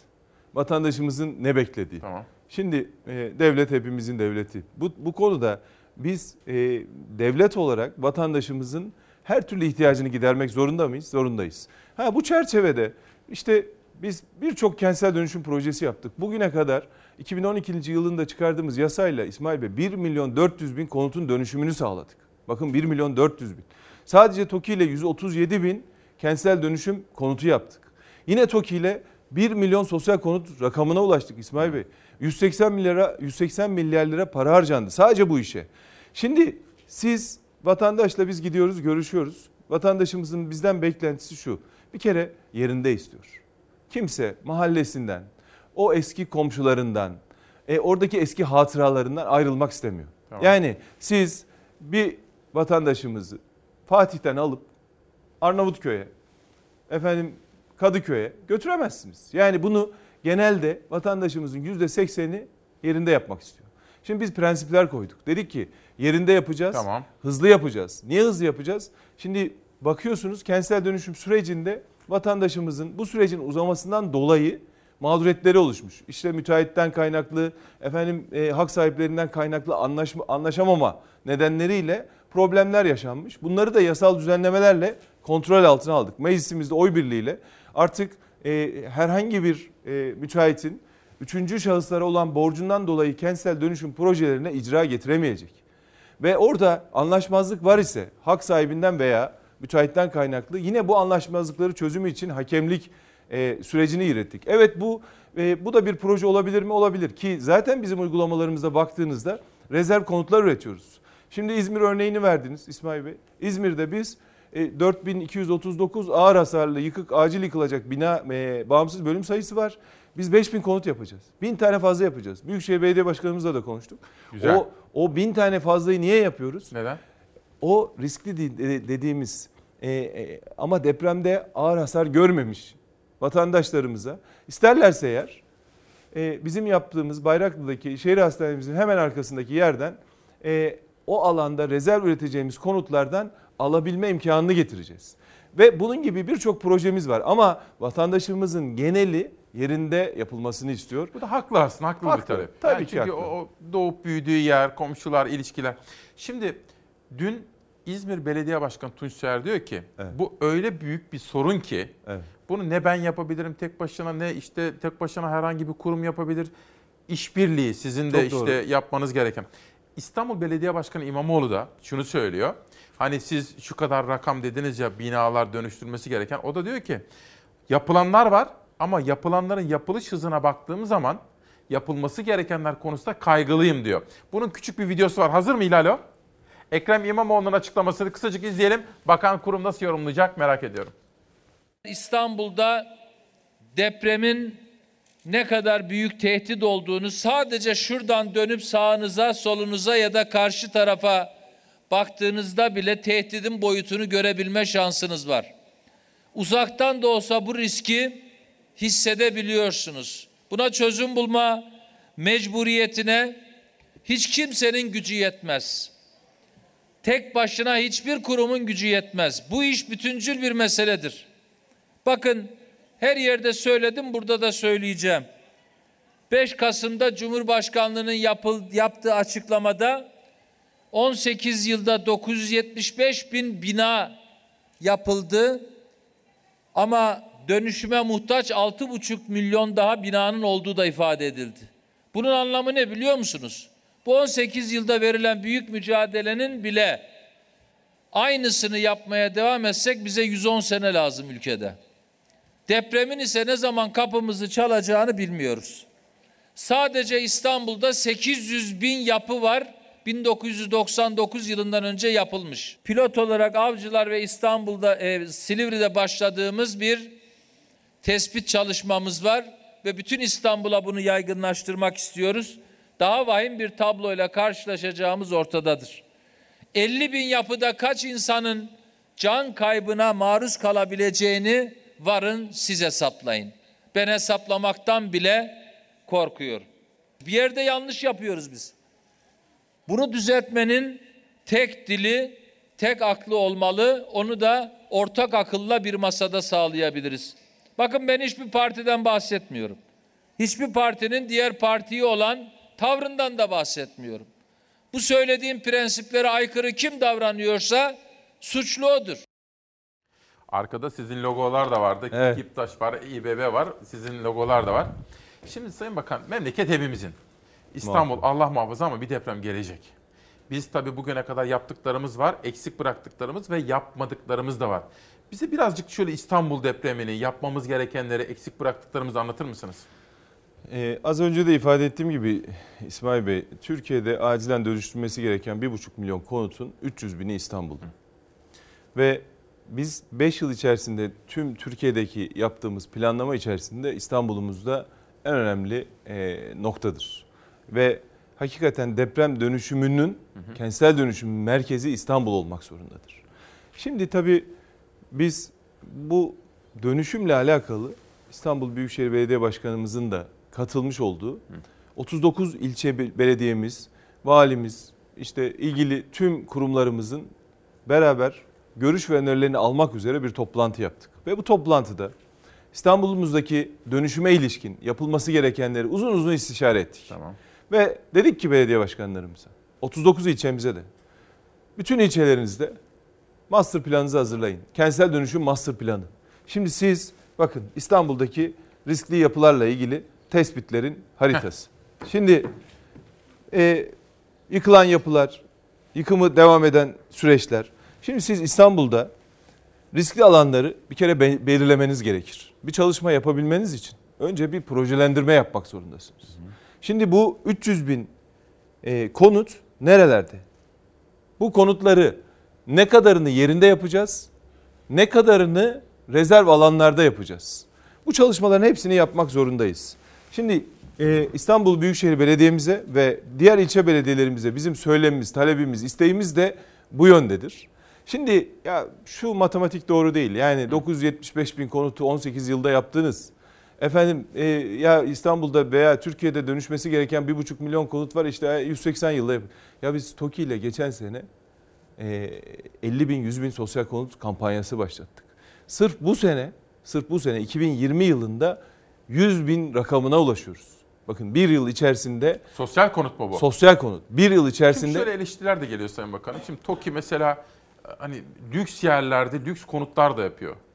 Bu da mesela eleştiri konusu yapılıyor. Diyor ki oysa dar gelirli yurttaşlarımıza yönelik ağırlıklı çalışma yapması gerekiyor. TOKİ, Böyle eleştiriler de geliyor. Evet yani TOKİ'nin uygulamalarının %95'i e, sosyal konuta yöneliktir. Hı. Yani ki son e, 5-6 yıldır da üst gelir grubuna yönelik hiçbir iş yapmamıştır.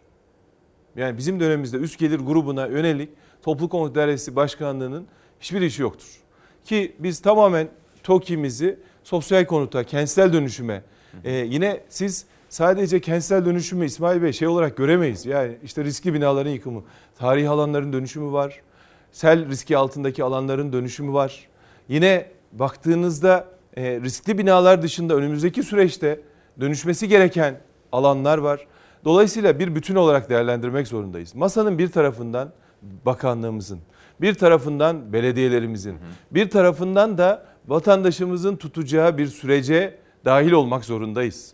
Şimdi ya birbirimizi eleştirmek o kadar kolay ki. Bundan sonraki süreçte vatandaşımız ne bekliyor? Vatandaşımız bizle ilgili beklentisi nedir?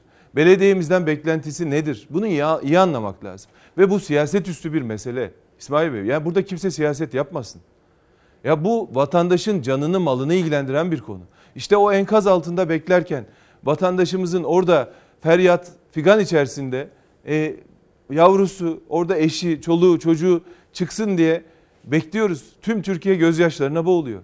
Ya bu birlik beraberliği sürdürmek zorundayız. Ve bu çerçevede de İsmail Bey yani nasıl yaparız?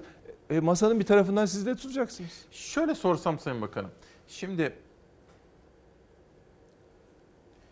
Adalet ve Kalkınma Partisi yaklaşık çeyrek yüzyıldır memleketi yönetiyor. İstanbul başta olmak üzere.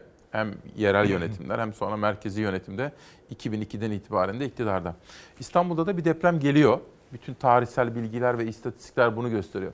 Şöyle sorsam size, bu içinde bulunduğumuz çeyrek asırda ve özellikle son 18 yılda AK Parti ne yaptı mesela İstanbul konusunda? Bunu bir özetler misiniz evet. bize?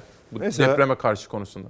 E, Sayın Cumhurbaşkanımız 2012 yılında kentsel dönüşüm seferberliğini İstanbul'da Gazi Osman Paşa'da başlattılar. Ve çok önemli bir ifade. Ben her yerde söylüyorum. Bedeli ne olursa olsun bu konutlarımızı dönüştüreceğiz sloganıyla kentsel dönüşüm seferberliğini Gazi Osman Paşa'dan başlatmak suretiyle tüm Türkiye'de 1 milyon 400 bin bakın yani 2012'den bugüneyi bahsediyorum. 1 milyon 400 bin konutun dönüşümünü sağladık. Sırf İstanbul'da 72 bin binayı bakın 72 bin binayı 370 bin bağımsız bölümün yıkımını gerçekleştirdik ve bu süreçte bunların e, bu konutların yerine yenileri yapıldı. Sadece Toplu Konut Dairesi Başkanlığımızla 137 bin bakın 137 bin bağımsız bölüm.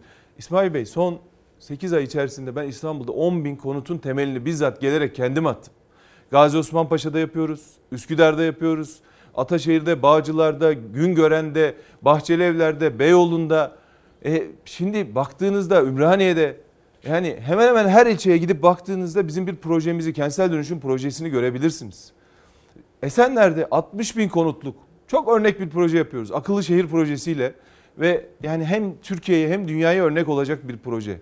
Şimdi biz koyduğumuz hedefler doğrultusunda üstümüze düşen vazifeyi e, inanın bütün ekibimizle birlikte gece gündüz, gece gündüz yani e, gidilebilecek her yere gitmek suretiyle 81 ilimize 300 kere ziyaret yaptım ben.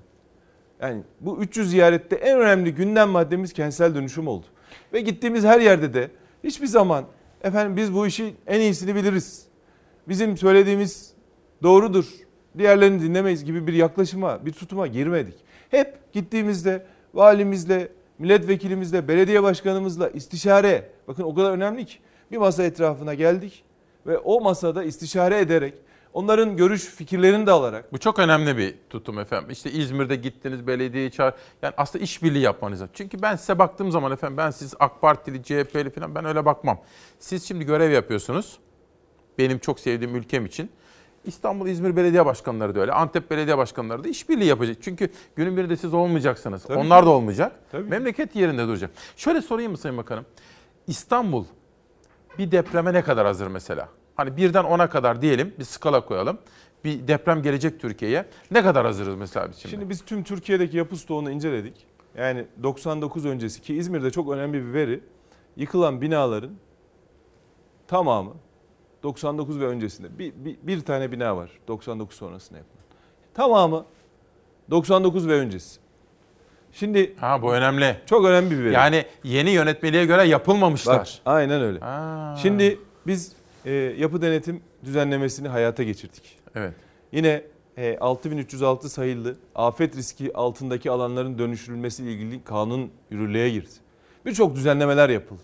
Hem Büyükşehir Belediye Kanunu'nda hem Kentsel Dönüşüm Kanunu'nda vatandaşımızın mağduriyetlerini gidermek için yapılan çalışmalar.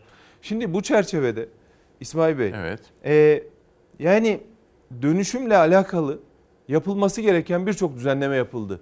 Sadece yapı denetimden bugüne kadar 800 bin bina, 800 bin bina, 24 milyon bağımsız bölüm yapı denetime uğramış ve tamamlanmış. 24 milyon vatandaşımızın can güvenliği teminat altına alınmış. Devam eden 400 bin bina var. O da 12 milyon vatandaşımız ediyor. 12 milyon vatandaşımız da bu şekilde teminat alındı. Dönüştürdüğümüz projeler var. Toplu Konut Dairesi Başkanlığı ile yaptığımız 1 milyon sosyal konut var ki 4 milyon vatandaşımız. Bunların hepsini topladığınızda şu an Türkiye'deki yapı stoğunun %65'i aslında can güvenliği açısından teminat altına alınmış. Bu çok önemli bir veri. %65. Evet. Yani İstanbul'da yüzde kaç acaba bu? işte bu, bu, bu Türkiye geneliyle İstanbul'umuz hemen hemen aynı. Aynı mıdır? Yani şöyle İstanbul'umuz yani Türkiye'de 1 milyon 200 bin konut satılır. İşte e, bunun 600 bini yenidir. 600 bini eskidir.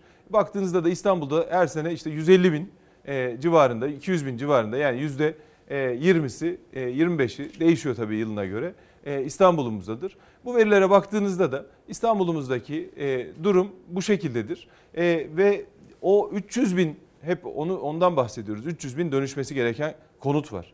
Şimdi ya mesela Büyükşehir Belediye Başkanlığımız biz 14 alanda yetkilendirdik. 2700 riskli bina var orada. Şimdi İstanbul'da mı? Şimdi e, Büyükşehir Belediye'mizin yetkilendirilmiş olduğu e, 14 alanda rezerv alan, riskli alan, kentsel yenileme alanı. Şimdi ya biz birbirimize şunu sormamalıyız. Vatandaş aynen sizin söylediğiniz gibi yarın bana da hesabını sorar. Belediye başkanımıza Tabii. da sorar. Milletvekilimize de sorar. ilçe belediye başkanına da sorar. Ya biz ne yaptık ona bakalım ya. Birbirimizi eleştirmek o kadar kolay ki. İşbirliği Ya, yapalım. Aa, işbirliği yapalım. E, bir vatandaşımızın bir sorunu mu var? Problemi mi var? Ya bununla uğraşalım ya. Milletimiz bundan bunu bekliyor bizden. Ya efendim tartışalım. Evet sen onu yaptın ben bu. Ya bu, bu, bu değil yani. Siyaset hele hele bu konuda kesinlikle böyle bir tutum içerisine ne bizim ne de belediyelerimizin girmesini ben doğru bulmuyorum. Sayın Bakan çok doğru bir yaklaşım sergili, ya, sergiliyorsunuz. Bu yaklaşım aslında gittiğiniz yerlerde de görüyoruz biz. Şimdi hani dediniz ya ilk e, hoş geldiniz dedikten sonra önceliklerden bahsediyordunuz. Şimdi bizim devletimizin imkanları sonsuz değil. Ve dolayısıyla öncelik dediniz ya. Kanal İstanbul mesela ben Kanal İstanbul'u diyelim bir vatandaş ve gazeteci olarak uygun bulmuyor olabilirim ki bulmuyorum. Ya da Ekrem İmamoğlu işte belediye başkanı seçildi. O da uygun bulmuyor olabilir değil mi efendim? Bunda bir Tabii beis ki- var mı? Tabii ki yok. Hiçbir yok beis değil mi? yok. Siz uygun buluyorsunuz, savunuyorsunuz. Şimdi mesela şöyle sorayım. Kanal İstanbul öncelikler sıralamasında en ön sırada mı efendim? Yani siz öyle mi görüyorsunuz? Yani şimdi e, Çünkü bu da depremle ilgili Evet. ya deprem, kentsel Evet, evet. dönüşüm hep- Evet. hepsini ilgilendiren bir konu. E, kesinlikle bizim yatırımlarımızın, e, bütçelerimizin, enerjimizin önemli kısmını önceliklerimize ayırmak zorundayız. Şimdi eğer bu önceliklere göre hareket etmezsek kaynağımızı verimli kullanmayız. Bu, bu 2-2-4 ise bu da böyle. Şimdi buna ilişkin devletin bir planlama teşkilatı var. Strateji Bütçe Başkanlığı var. Hazine Maliye Bakanlığı var. Alması gereken tedbirleri, vatandaşımızın bir sorunları nedir? Gidip ilçe ilçe, mahalle mahalle geziyoruz değil mi? Vatandaşımız oradan bizden beklentilerini de söylüyor. İşte kentsel dönüşüm diyor, efendim yeşil alan diyor, bisiklet yolu diyor, yürüyüş yolu diyor. efendim a- e, çöpümün doğru alınması, hızlı alınması, daha iyi hizmetler verilmesi gibi birçok öncelikler sunuyor. Şimdi bu önceliklere göre de zaten devletimiz bu noktada bir bütçe ve planlama yaparak süreci üretiyor. Şimdi bir kere Sayın Cumhurbaşkanımızın da açıkladığı gibi bu devlet bütçesinden karşılanarak yapılması öngörülen bir proje değil. Bir kere burayı bir kenara koyalım. Kanal İstanbul. Evet. Yani hep bunu açıklıyor biliyorsunuz. Tamam. Şimdi ya bizim önceliğimizi zaten hazine bütçeden çıkan paramızı önceliklerimize ayırdığımız e, aşikardır. Peki nereden sağlanacak? Borçlanacağız. Şimdi borçlanarak e, şimdi bu e, baktığınızda Kanal İstanbul'da niye yapılıyor? Şimdi hep biz diyoruz ki Kanal İstanbul projesi Boğazımızın özgürlük projesi, bağımsızlık projesidir diyoruz. Neden diyoruz? Baktığınızda her gün 150 gemi geçiyor. Yılda 50 bin gemi geçiyor. Ve ortalama yılda 8 tane de İstanbul Boğazı'nda kaza meydana geliyor. Geçen gemilerden sebep. Şimdi bir taraftan biz diyoruz ki yeni bir kanal. Niye diyoruz? Kanal e, Süveyş kanalı yapılmış. Panalı, Panala, e, Panama kanalı yapılmış. Oradan geçen geminin 3-4 katı fazlası şu an İstanbul Boğazı'ndan geçiyor. Şimdi diyoruz ki biz Boğaz'ın can ve mal güvenliğini emniyet altına almak için alternatif bir kanal yapalım. Ve o kanal 40 milyon metrekarelik bir alan içerisinde, rezerv alan içerisinde. Bakın bu 40 kilometrelik bir kanal ve 21 metre derinlikte. Şimdi diyorlar ki depremi tetikler. Ya 21 metre kanal, derinliği 21 metre olan kanal nasıl depremi tetikleyecek? Efendim içme suyu kaynaklarının %3'ü gidiyor. Evet gidiyor. Melen barajından gelen su kaynağımız tam 34 kat fazlası. Hele hele Hamzalı, Pirinççi barajları da bittiği zaman böyle bir ihtiyaç da yok. Gelelim şeye. Evet herkes itiraz edebilir. Herkes bizim söylediğimiz doğru. Edebilir mi? Tabii Mesela ki. şunu sorayım efendim. Dün tam sizin bulunduğunuz yerde İyi Parti lideri Sayın Akşener vardı. O bir bilgi verdi. Dedi ki Ekrem İmamoğlu'na bu projeye karşı çıktığı için soruşturma başlatıldı dedi. Ben hatta inanamadım. Bir kere daha teyit amaçlı sordum. O doğruladı. Sonra belediye bir açıklama yaptı. Akşam Süleyman Soylu bir açıklama yaptı. Yani aslında bir itiraz var. O itirazda yönelik de bir inceleme de var. Ama diyorlar ki belediyenin imkanlarını kullanarak buna karşı çıktığı için. Aynen Ama öyle. efendim bunu bir özetler misiniz? Bu bir tuhaf bir manzara var orada. Şimdi e, burada incelemede İstanbul Büyükşehir Belediye Başkanı'nın kişisel olarak projeye olduğu karşı tutum sorgulanmıyor veya incelenmiyor. Burada incelenen konu İstanbul Büyükşehir Belediyesi kaynaklarının kullanılarak projeye karşı çıkılması. Şimdi ben sizi sevmiyorum diyelim. Ya biz ben sizin projenizi, kıyafetinizi, yaptığınız bir işi doğru bulmuyorum diyelim. Tabii, olabilir. Efendim kendi şahsi görüşüm değil mi bu? Evet. Şahsi görüşümlü gidip devletin kaynağını kullanarak bakın çok önemli bir şey söylüyorum. Devletin kaynağını kullanarak sizi eleştirebilir miyim?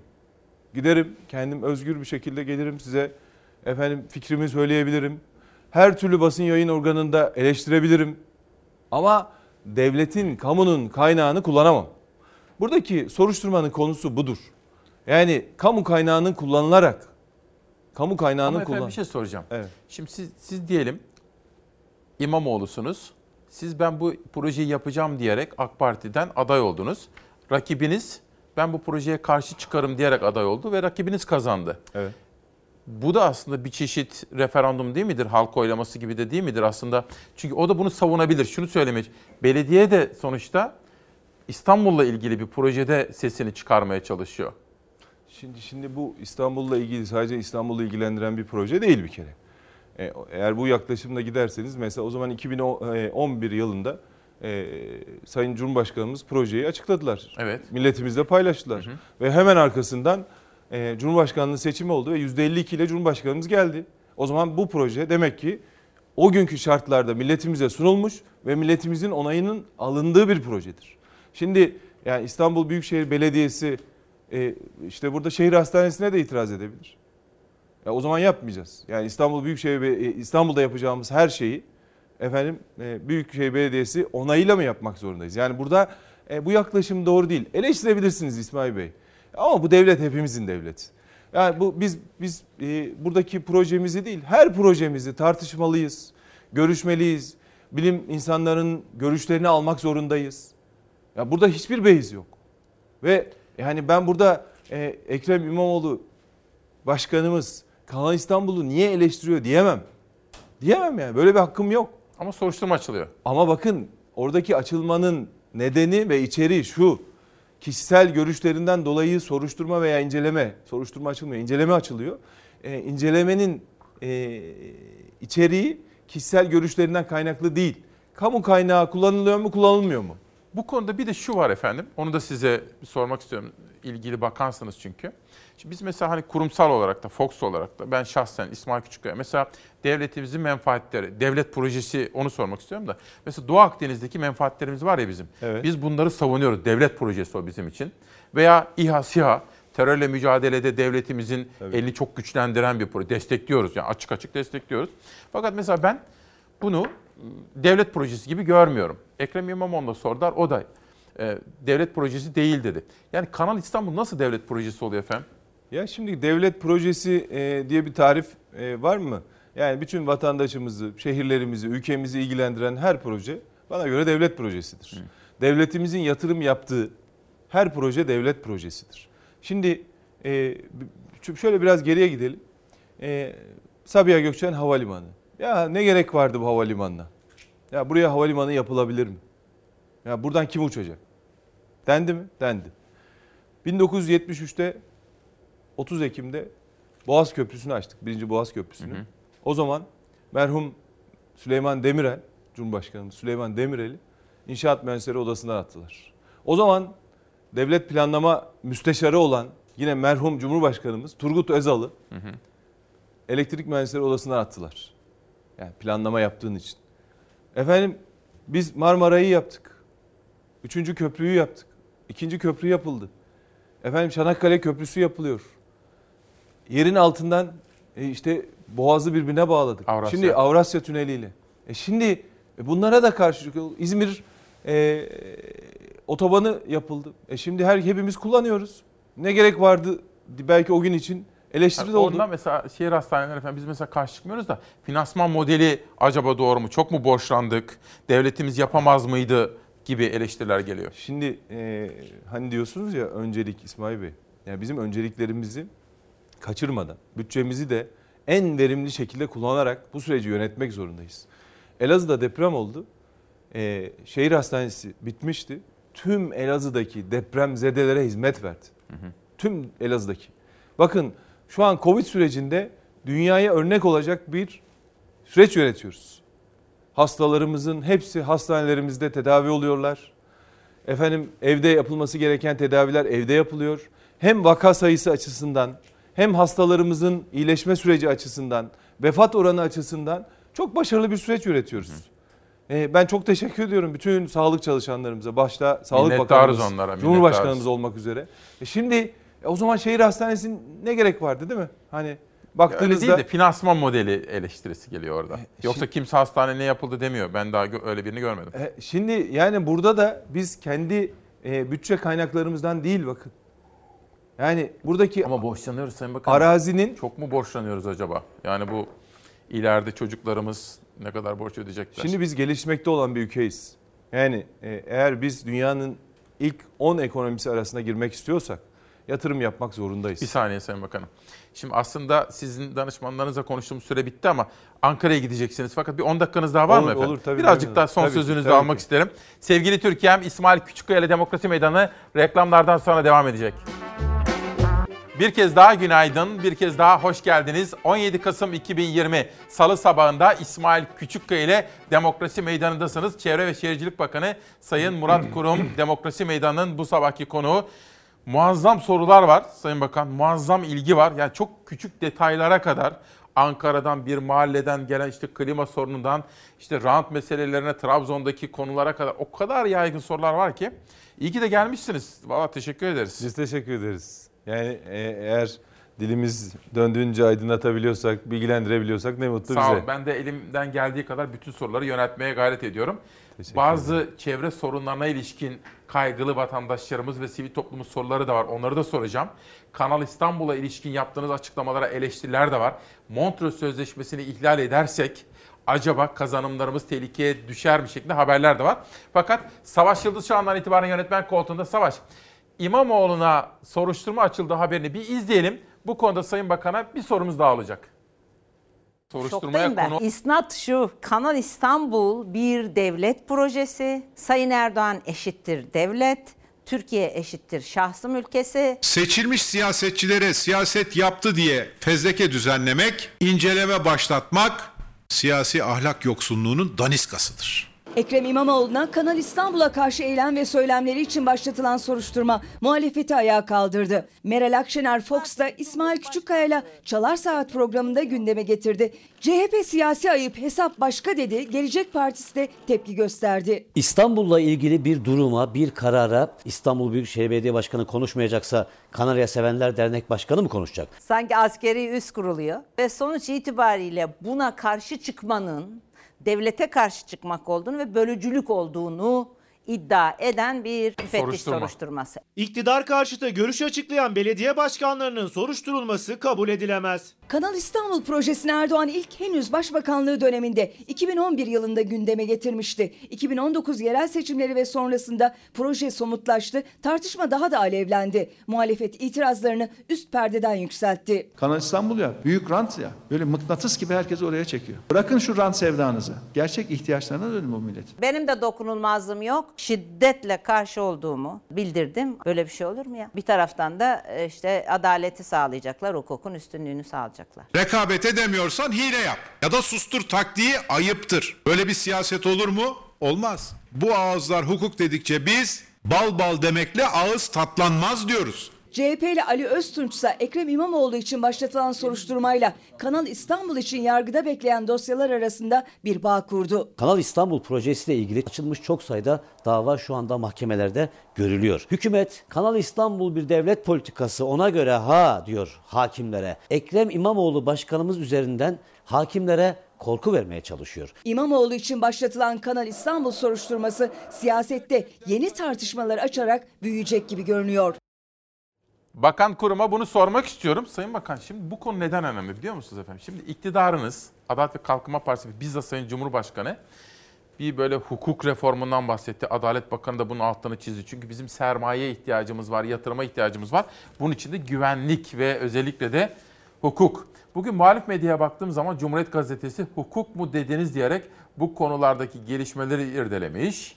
Sözcü Gazetesi ve hukukta reform başladı. Aynı şekilde Bir Gün, Evrensel gibi gazeteler de eleştirmiş. Bu biraz zamanlama itibariyle de, içerik itibariyle de talihsiz mi oldu? Ne dersiniz bu soruşturma işi? Şimdi e, İsmail Bey yani e, açıklamaları biz de e, aracılığınızla dinlemiş olduk. E, yapılan incelemede herhangi bir bölücülük, ayrımcılık suçlaması bir kere kesinlikle yok. Ve Ekrem İmamoğlu başkanımızın e, bu noktada yapmış olduğu kişisel görüşlerine de kimse bir şey diyemez. Yani iktidarda bizim, muhalefette bizim, devlette bizim, medyada bizim. Yani biz kimseyi yaptığı görüşünden, düşündüğü fikrinden dolayı eleştiremeyiz. Yani böyle bir hakkı kimsenin de yok ve böyle bir tutum içerisinde de değiliz. E ama ya olayı getirip yani sanki bir bölücülük var. Sanki birilerine konuşma yasağı getiriliyor. Efendim sen bu konuda görüşlerini, fikirlerini söyleme sürecine yansıtmak olayı çarpıtmaktır. Burada soruşturmanın, incelemenin, incelemenin konusu kişisel görüşleri değil. Bu görüşlere ilişkin kamu kaynağının kullanıp kullanılmadığı. Bakın bu bu yani bu kadar basit. Yani Peki. olayı çarpıtmaya, başka yönlere çekmeye gerek yok. İşte e, dün yine açıklama. Efendim belediyelere konuşma yasağı getirildi. Ha, onu da soracağım. Bir saniye efendim. Şimdi mesela Karar Gazetesi ama şunu söyleyeyim. Ben tabii bu yayına çıkacağınız birkaç gün önceden belliydi. Dün de İzmir Belediyesi ile de konuştum. Bu AFAD'ın yazısı var ya. Evet. Dedim ki şöyle Var mı? algılandı kamuoyunda. Sanki İzmir depremi oldu ve AFAD bir yazı yazmış konuşmayın demiş. Tabii çok sert tepki gösterilirdi o zaman buna. Fakat belediye dedi ki yok öyle değil dediler. Allah var. Mesele depremden önce. Yine de eleştiri konusu olur ama onu ayrıca sorayım size. Bakın Karar Gazetesi atanmıştan seçilmişe sus emri diyor. Şimdi bunun aslı nedir efendim? Onu bir anlatır mısınız? Yani şimdi herkes, yazısı. E, herkes kendi e, bakış açısından bakıp olayı e, taraflı bir şekilde yorumlamamalı.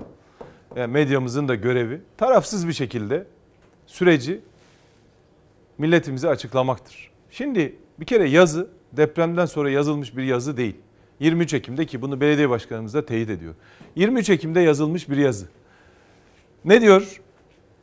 Bakın yazın içeriği İsmail Bey. Evet. Özellikle yaşanan hadiselerin ilk anında verilen ve teyitli olmayan bilgiler kamuoyunda yanlış anlaşılmalara, vatandaşımızda paniğe ve spekülasyona neden oldu.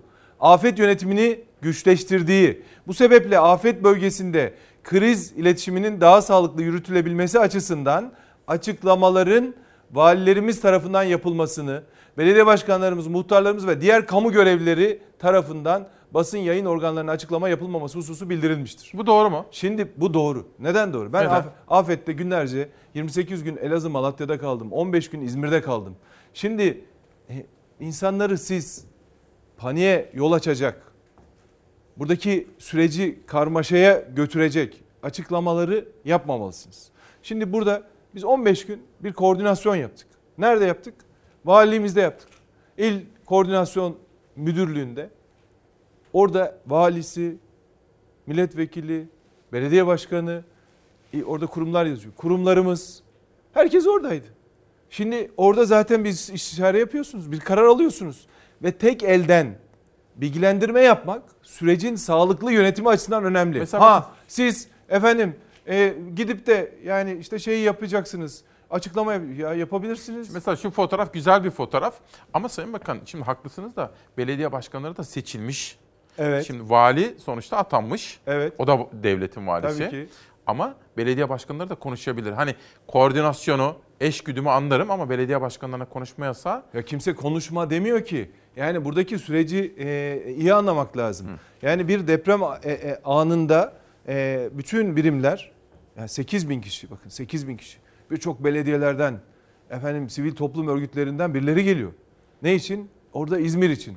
Enkaz altındaki vatandaşlarımız için. Şimdi bu süreci yönetmeniz lazım değil mi? Türkiye'yi, kamuoyunu bilgilendirmeniz lazım. Hemen geldi birileri dedi ki işte enkaz altında şu kadar vatandaşımız var. Ya ben desem ki efendim 200. Siz deseniz ki 300. Efendim öbürü dese ki 150. Ya bu doğru mu?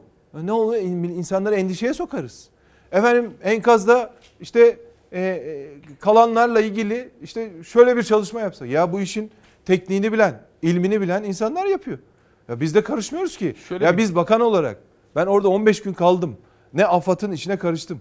Ne Kızılay'ın işine karıştım. Ne UMKE'nin işine karıştım. Ne oradaki hasar tespitle ilgili ya arkadaşlar şöyle yapın. Şöyle yapmanız iyidir. Biz sadece onlara destek olduk.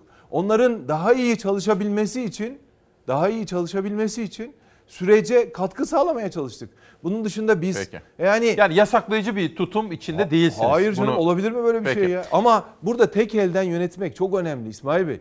Yani orada siz deprem esnasındaki süreci tek elden yönetmezseniz yani biz bile biz bile yani ki konuyla ilgili bir bakanlığız. Ya il valiliğin açıklamasını bekliyoruz.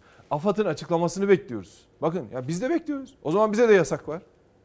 Yani bu, bu yasak değil. Peki. Sürecin doğru yönetimi. Lütfen çarpıtmamak lazım bu Peki konu. şimdi Kanal İstanbul konusunda şöyle sorular geliyor. Özellikle üst düzey emekli büyükelçilerden yoğun olarak sorular geliyor. Şimdi bizim devletimizin tapu senetleri var değil mi? Lozan mesela bunlardan biri. Bir de Montreux. Bu projenin Montreux Sözleşmesi'nde Türkiye'ye sağlanan bazı haklar ve kazanımlarla ilgili sıkıntı getirebileceğini, o kazanımları risk altına atabileceğine dair iddia ve kaygılar var. Bunu yanıtlar mısınız efendim? Şimdi biz bakın Kanal İstanbul projesinde mesela biz bakanlık olarak ÇED sürecini yürütüyoruz. Planlama sürecini yürütüyoruz. 40 milyon metrekare arazinin %52'sini terk ettik. %52'sini yeşil alanlara, yollara, efendim sosyal alanlara, bisiklet yollarına, yürüyüş yollarına, bahçelere, ekolojik koridorlar oluşturuyoruz.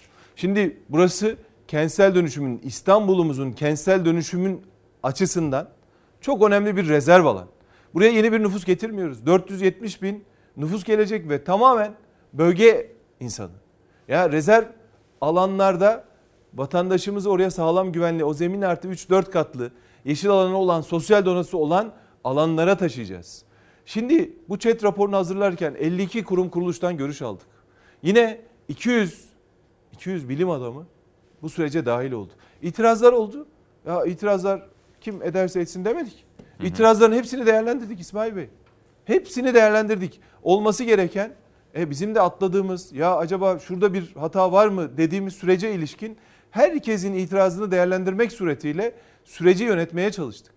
Şimdi burada da ilgili kurumlarımız, Dışişleri Bakanlığımız, Ulaştırma Bakanlığımız ya, e, ya bir imtiyazımız var. Bu imtiyazdan kaynaklı bir sorunumuz var mı yok mu? Detaylı bir şekilde araştırma yapıyor.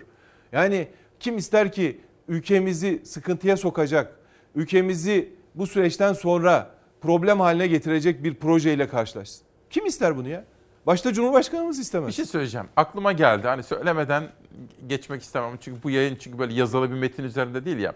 Hani e, kınayan olursa da kınasın. Mesela ben bakan olsam yani sizin yerinize İmamoğlu'nu da davet ederim. Evet. Kanal İstanbul için. Mesela siz nasıl anlatıyorsunuz? İşte şöyle böyle şöyle böyle diye. Siz niye karşı çıkıyorsunuz diye sorarım.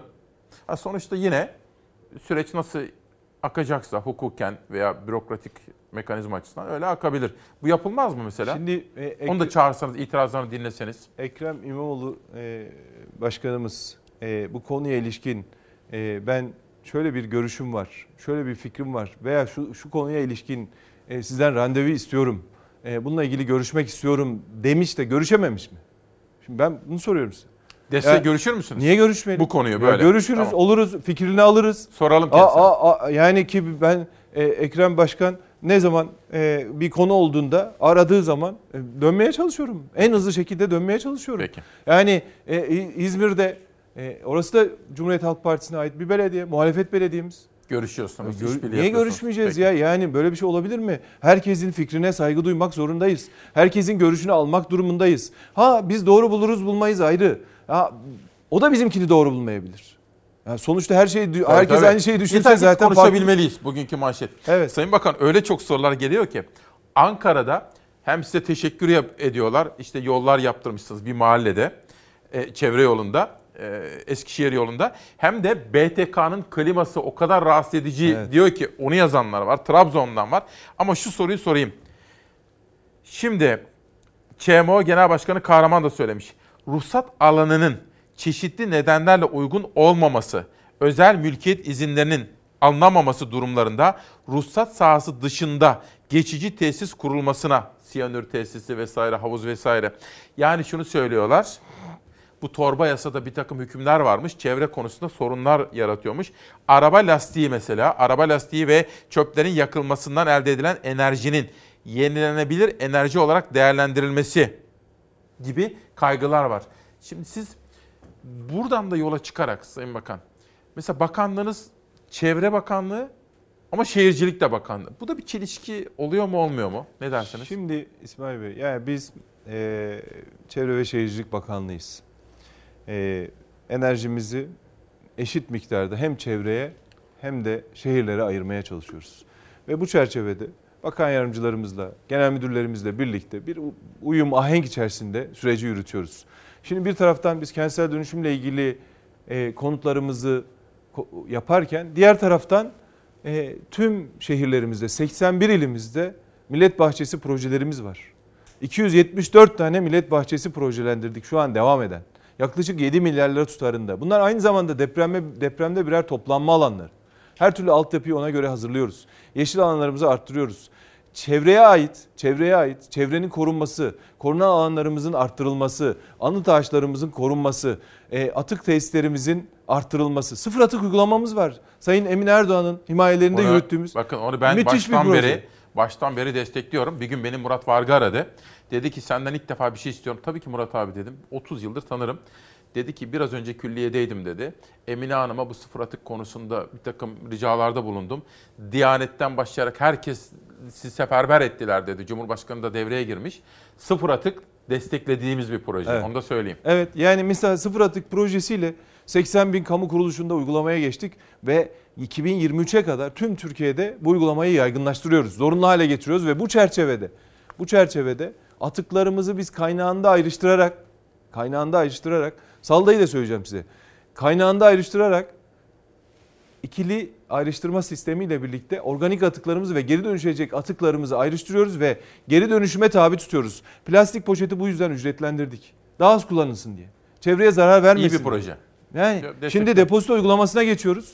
O dediğiniz e, efendim lastik tekerlek, akü, cam, metal buna ilişkin bir depozito sistemi getireceğiz. Yani ne ne yapacağız? Lastik tekerlek eskidi mi? Getirecekler. O depozito uygulamasıyla birlikte o malzemeyi yeniden lastik üretiminde kullanacağız. Efendim Ama cam, çevreye zararı, etkisi Zaten ham maddesi, ham maddesi. Yani yeni yapılabileceğin ham maddesi. Sizin söylediğiniz yakma tesisi ki biz yakma tesislerine karşıyız. E, o Karşı yüzden, mısınız? Tabii Hı, ki. tamam. O yüzden biz sıfır atık uygulaması diyoruz. Hepsini geri dönüştürelim. Geri dönüşüm oranımızı %20'lere 30'lara getirelim. Ya bilmediğim bir şey geldi bana ama saygı duyduğum birinden. İskender Aroğba. Sevgili İsmail Bey ilgili izliyoruz. İstanbul Kanalı projesi için osinograf görüşünü hangi bilim adamı vermiş diye soruyor. Ne demek olduğunu bilmiyorum ama. Yani bu bu bu e, depremle ilgili, diğer konularla ilgili her türlü görüşü 200 bilim adamımız, Öyle mi? üniversite hocamız e, rapor içerisinde yer aldılar. Ve bu çalışmaları e, üniversitelerimizde, akademisyenlerimizle, sivil toplum örgütlerimizle hepsiyle birlikte yapılmış bir çalışma. E, kimin e, raporu, hangi hocamızın verdiğini e, Yani bilim adamları bilmiyorum. buna onay veriyor mu efendim? Mesela e, işte evet Kanal İstanbul mesela Marmara Denizi için, Karadeniz için, Ege için hatta bir şey var mı? Ekolojik dengeyi bozacak mı? Su sıcaklıklarını değiştirecek mi? Mesela bilim adamlarını onları bize verin o bilgileri. Bunların hepsi, bunların hepsi e, 3000 sayfa yanlış hatırlamıyorsam raporumuz.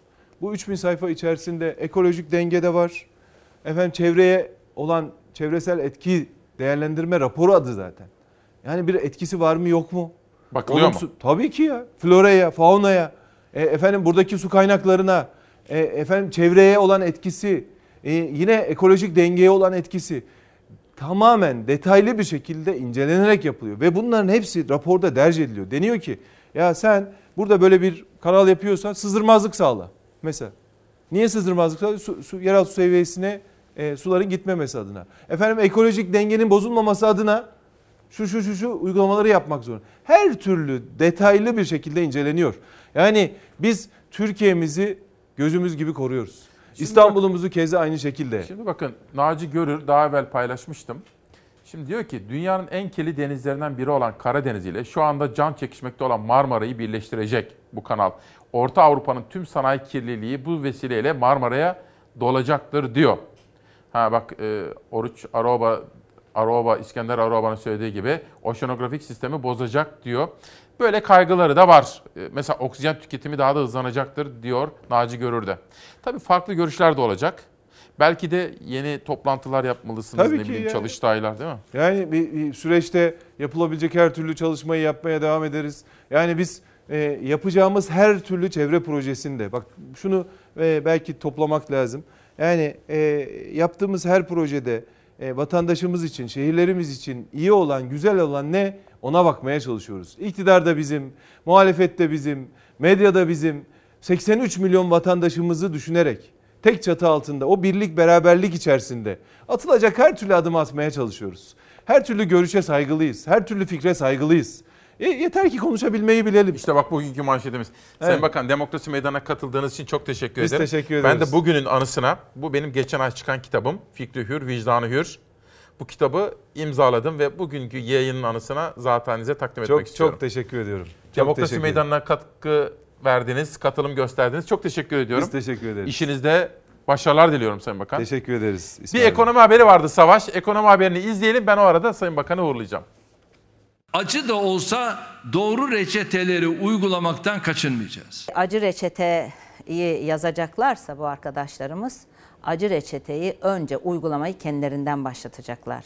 500 milyon dolar uçaklar satılacak, israf terk edilecek. Size ve sosyetenize Ankara'da 1150 odalı saray, Marmaris Sokluk'ta yazlık saray, saray efradına üçer beşer maaşlar, millete ise acı reçete, top kek, ve kafalarına atılan çaylar. Oh ne güzel memleket. Artık acı reçete değil tatlı reçete duymak istiyoruz. Kim istiyor? Esnaf, işçi, köylü, çiftçi, memur, Erdoğan'ın acı reçete sözünün yankısı dinmek bilmiyor. Muhalefet tepkili sözünü sakınmıyor. Cumhurbaşkanı reçeteyi açıklamadı ama muhalefet iktidara vazgeçilecekler reçetesi yazdı. Geçmeyen köprüler, havalanılmayan havalimanları 116 milyar TL para ödendi. Biraz o 5 müteahhit bekleyecek. Ailelere kişi başına 500 lira aylık bir yardım yapılacak. Emekliye düzeltmeler yapılacak. Kalın harflerle söylüyoruz. Acı ilaç içilecekse önce siz içeceksiniz. Bir fedakarlık yapılacaksa önce Beştepe'deki 1,5 milyar liralık sarayınızdan, sayıları 15'e açan uçak filolarınızdan, 50 bin dolarlık çantalarınızdan vazgeçeceksiniz. Vatandaş perişan, vatandaş acı reçete değil tatlı reçete istiyor. Sokağın sesi duyulmazsa yapılacak ilk seçimlerde acı reçete nasıl olurmuş herkes görecek. Muhalefet iktidara işçiyi, emekliyi, israfı, kamuda yapılan harcamaları hatırlattı. Vatandaş bedel ödememeli dedi. Günde 39 Türk lirasıyla yaşa dediğiniz işçiden, açlık sınırının altında maaş verdiğiniz asgari ücretliden, askıda ekmeğe mahkum ettiğiniz tüm milletimizden, hayat pahalılığı ile işsizlik arasında ezilen vatandaşımızdan fedakarlık beklemeyeceksiniz. İnsanlara halin nedir diye soruyorsunuz. Bir süre sonra ağlama krizine giriyor. Bunların hepsi AK Parti'nin böyle kemik seçmeni. Açız diyor ya, açız diyor. Onun için o saraydan çıkacaklar, sahaya inecekler, insanlarla görüşecekler. Bugüne kadar alıştılar, rahatları var. Durum vahim. Siyasette gündem acı reçete. Muhalefet tek ses oldu tepki gösterdi. Gözler iktidarda. Acı reçetede neler olacak? Burası demokrasi meydanı bir de madenci biz emeklinin, emekçinin, alın teriyle çalışanın yanındayız. Çalarsat gazetemizde bugün sürpriz bir haber var onu da size göstereceğim. Ve Ehli Beyt'in feryadı Zeynep döndü kaygısız. Bugün Aşık Mahsuni Şerif'i anacağız efendim. Biz Vefalı Çalarsat ailesi. Ayrıca Yıldız Kenter'i hem bugün hem de yarın anacağız. Özel hazırlıklar yaptık. Mehmet Ali Kayhan Çağdaş Tutsaklık Kıskaç isimli kitabı. Ha, bu arada yerel gazeteler, Savaş yerelleri bir verebilir misin? Bir Türkiye turuna çıkalım. Çalar Saati sosyal medyada paylaşırım ben. Bakın bugün Çukurova gazetesi, bu da takip ettiğim konulardan biri. Zafer Söken'den bu konuda bir haber rica ettim. Gazeteci arkadaşlarımızın yıpranma hakkı birilerinin iki dudağı arasında keyfiyete bırakılamaz. Basın kartı olsun ya da olmasın, basın emekçilerinin internette çalışsın, gazete, dergide çalışsın. Yıpranma hakkı keyfiyete bırakılamaz. Bunu takip ediyorum. Yarına bu konuda haber hazırlanıyor. Çukurova, basın kartları keyfi iptal ediliyor. CHP Adana Milletvekili Doktor Müzeyyen Şevkin bu konuyu takip ediyor. Adana'dan İzmir'e geçiyorum. 100 bin binaya hasar tespiti. Bakan Murat Kurum'dan İzmir depremi raporu biraz evvel bakan da detayları açıklamıştı. İzmir'den Diyarbakır'a geçiyorum. Tigris gazetesinin manşetinde kentte birinci gündem işsizlik. AK Parti Diyarbakır İl Başkanı Serdar Budak kentin en önemli sorunun istihdam olduğunu söyledi. Bu sözleri de manşette. Antalya'ya geçiyorum. Üretici üretemiyor, tüketici tüketemiyor.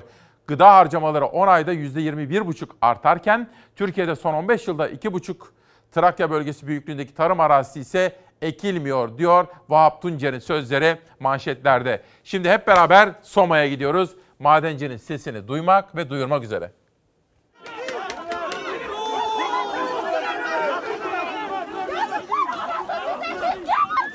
Hakları için eylemlerini aylardır sürdüren madenciler İçişleri Bakanı ile görüştü. Görüşmeden zaferle döndüklerini duyurdular eylemlerini sonlandırıyorlar. Bakan Soylu ile görüşme olumlu geçti. Yarın Soma Meydanı'nda açıklama yapacağız. Artık evimize dönüyoruz. Direnişi sonlandırdık. Manisa'da 36 gündür, Karaman Ermenek'te 79 gündür alacakları ve tazminatları için direnen madenciler İçişleri Bakanı Süleyman Soylu ile görüştü. Bağımsız Maden İş Sendikası örgütlenme uzmanı Kamil Kartal, uyar madencilikte çalıştığı günlerde yaşadığı kaza yüzünden engelli kalan İdris Sarıkaya ve iki madenci katıldı görüşmeye. İzmir'de Vilayetler Evi'nde e, Bakan Soylu ile bir görüşme yapacaklar. E, biz iyi haberler beklemek üzere arkadaşlarımızı yolculuyoruz, uğurluyoruz. Görüşmeye 4 madenci katıldı. Görüşmeden sonra durum değerlendirmesi yapacaklarını açıkladılar. Dönünce e, duruma göre istişare edeceğiz. Ona göre de e, yol haritamızı çizeceğiz. Oldu mu? Oldu. Tamam.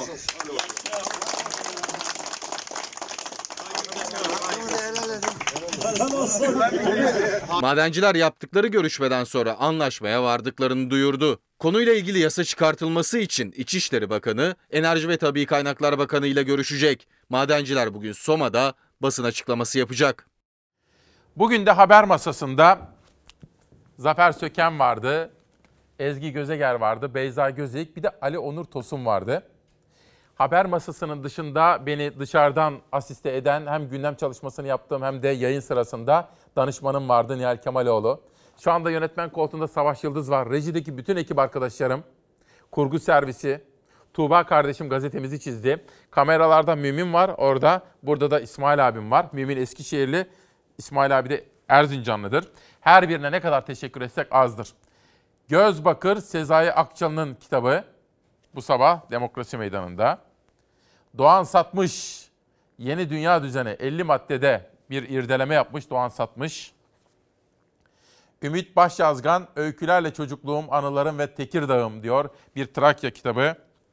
Neşet Ertaş Bozkır'ın Tezenesi kalan müzikten çıkan bir albüm bu sabah bizimle birlikte. Aşık Mahsuni Şerif'i bugün anacağız. Tabi Yıldız Kenter. Şimdi bir gün bir tiyatro oyununa gitmiştim. Orada da karşılaştık. Gittim. Saygılarımı sundum. Yıldız Kenter'i bugün 17 Kasım'da ölüm yıl döneminde saygıyla anıyoruz. Özel hazırlıklarımız var. Yarına Yıldız Kenter'le ilgili özel hazırlığımız var. Vefamızı göstermek zorundayız. Her 17 Kasım'da ve sonrasında saygıyla anıyoruz kendisine. 17 Kasım 1940, 17 Mayıs 2002 Aşık Mahsuni Şerif 80 yaşında gürül gürül akan Anadolu ve Rumeli coğrafyasının muhteşem bir sesi, muhteşem bir coğrafyası. İşte biz buyuz hep beraber. Böyle parsel parsel bölünmüş dünya Bir dikili taştan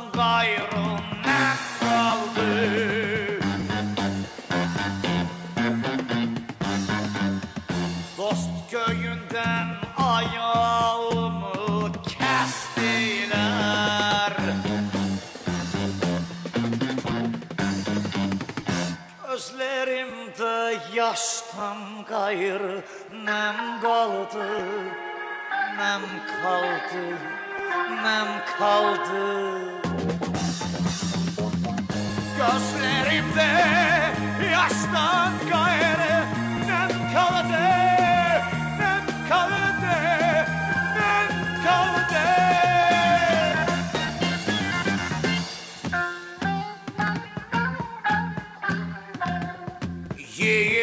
Yiğit geçinenler namert çıktılar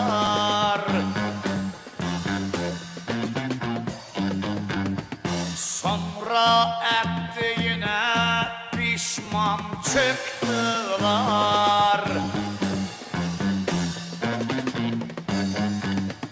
Eski dostlar bize düşman çıktılar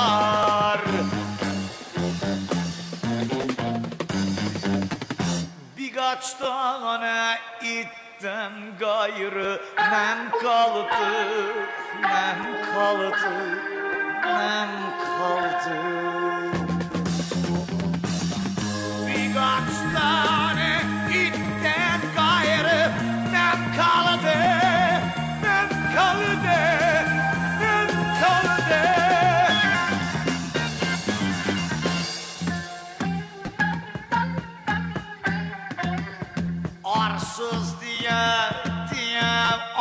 Arsız ettiler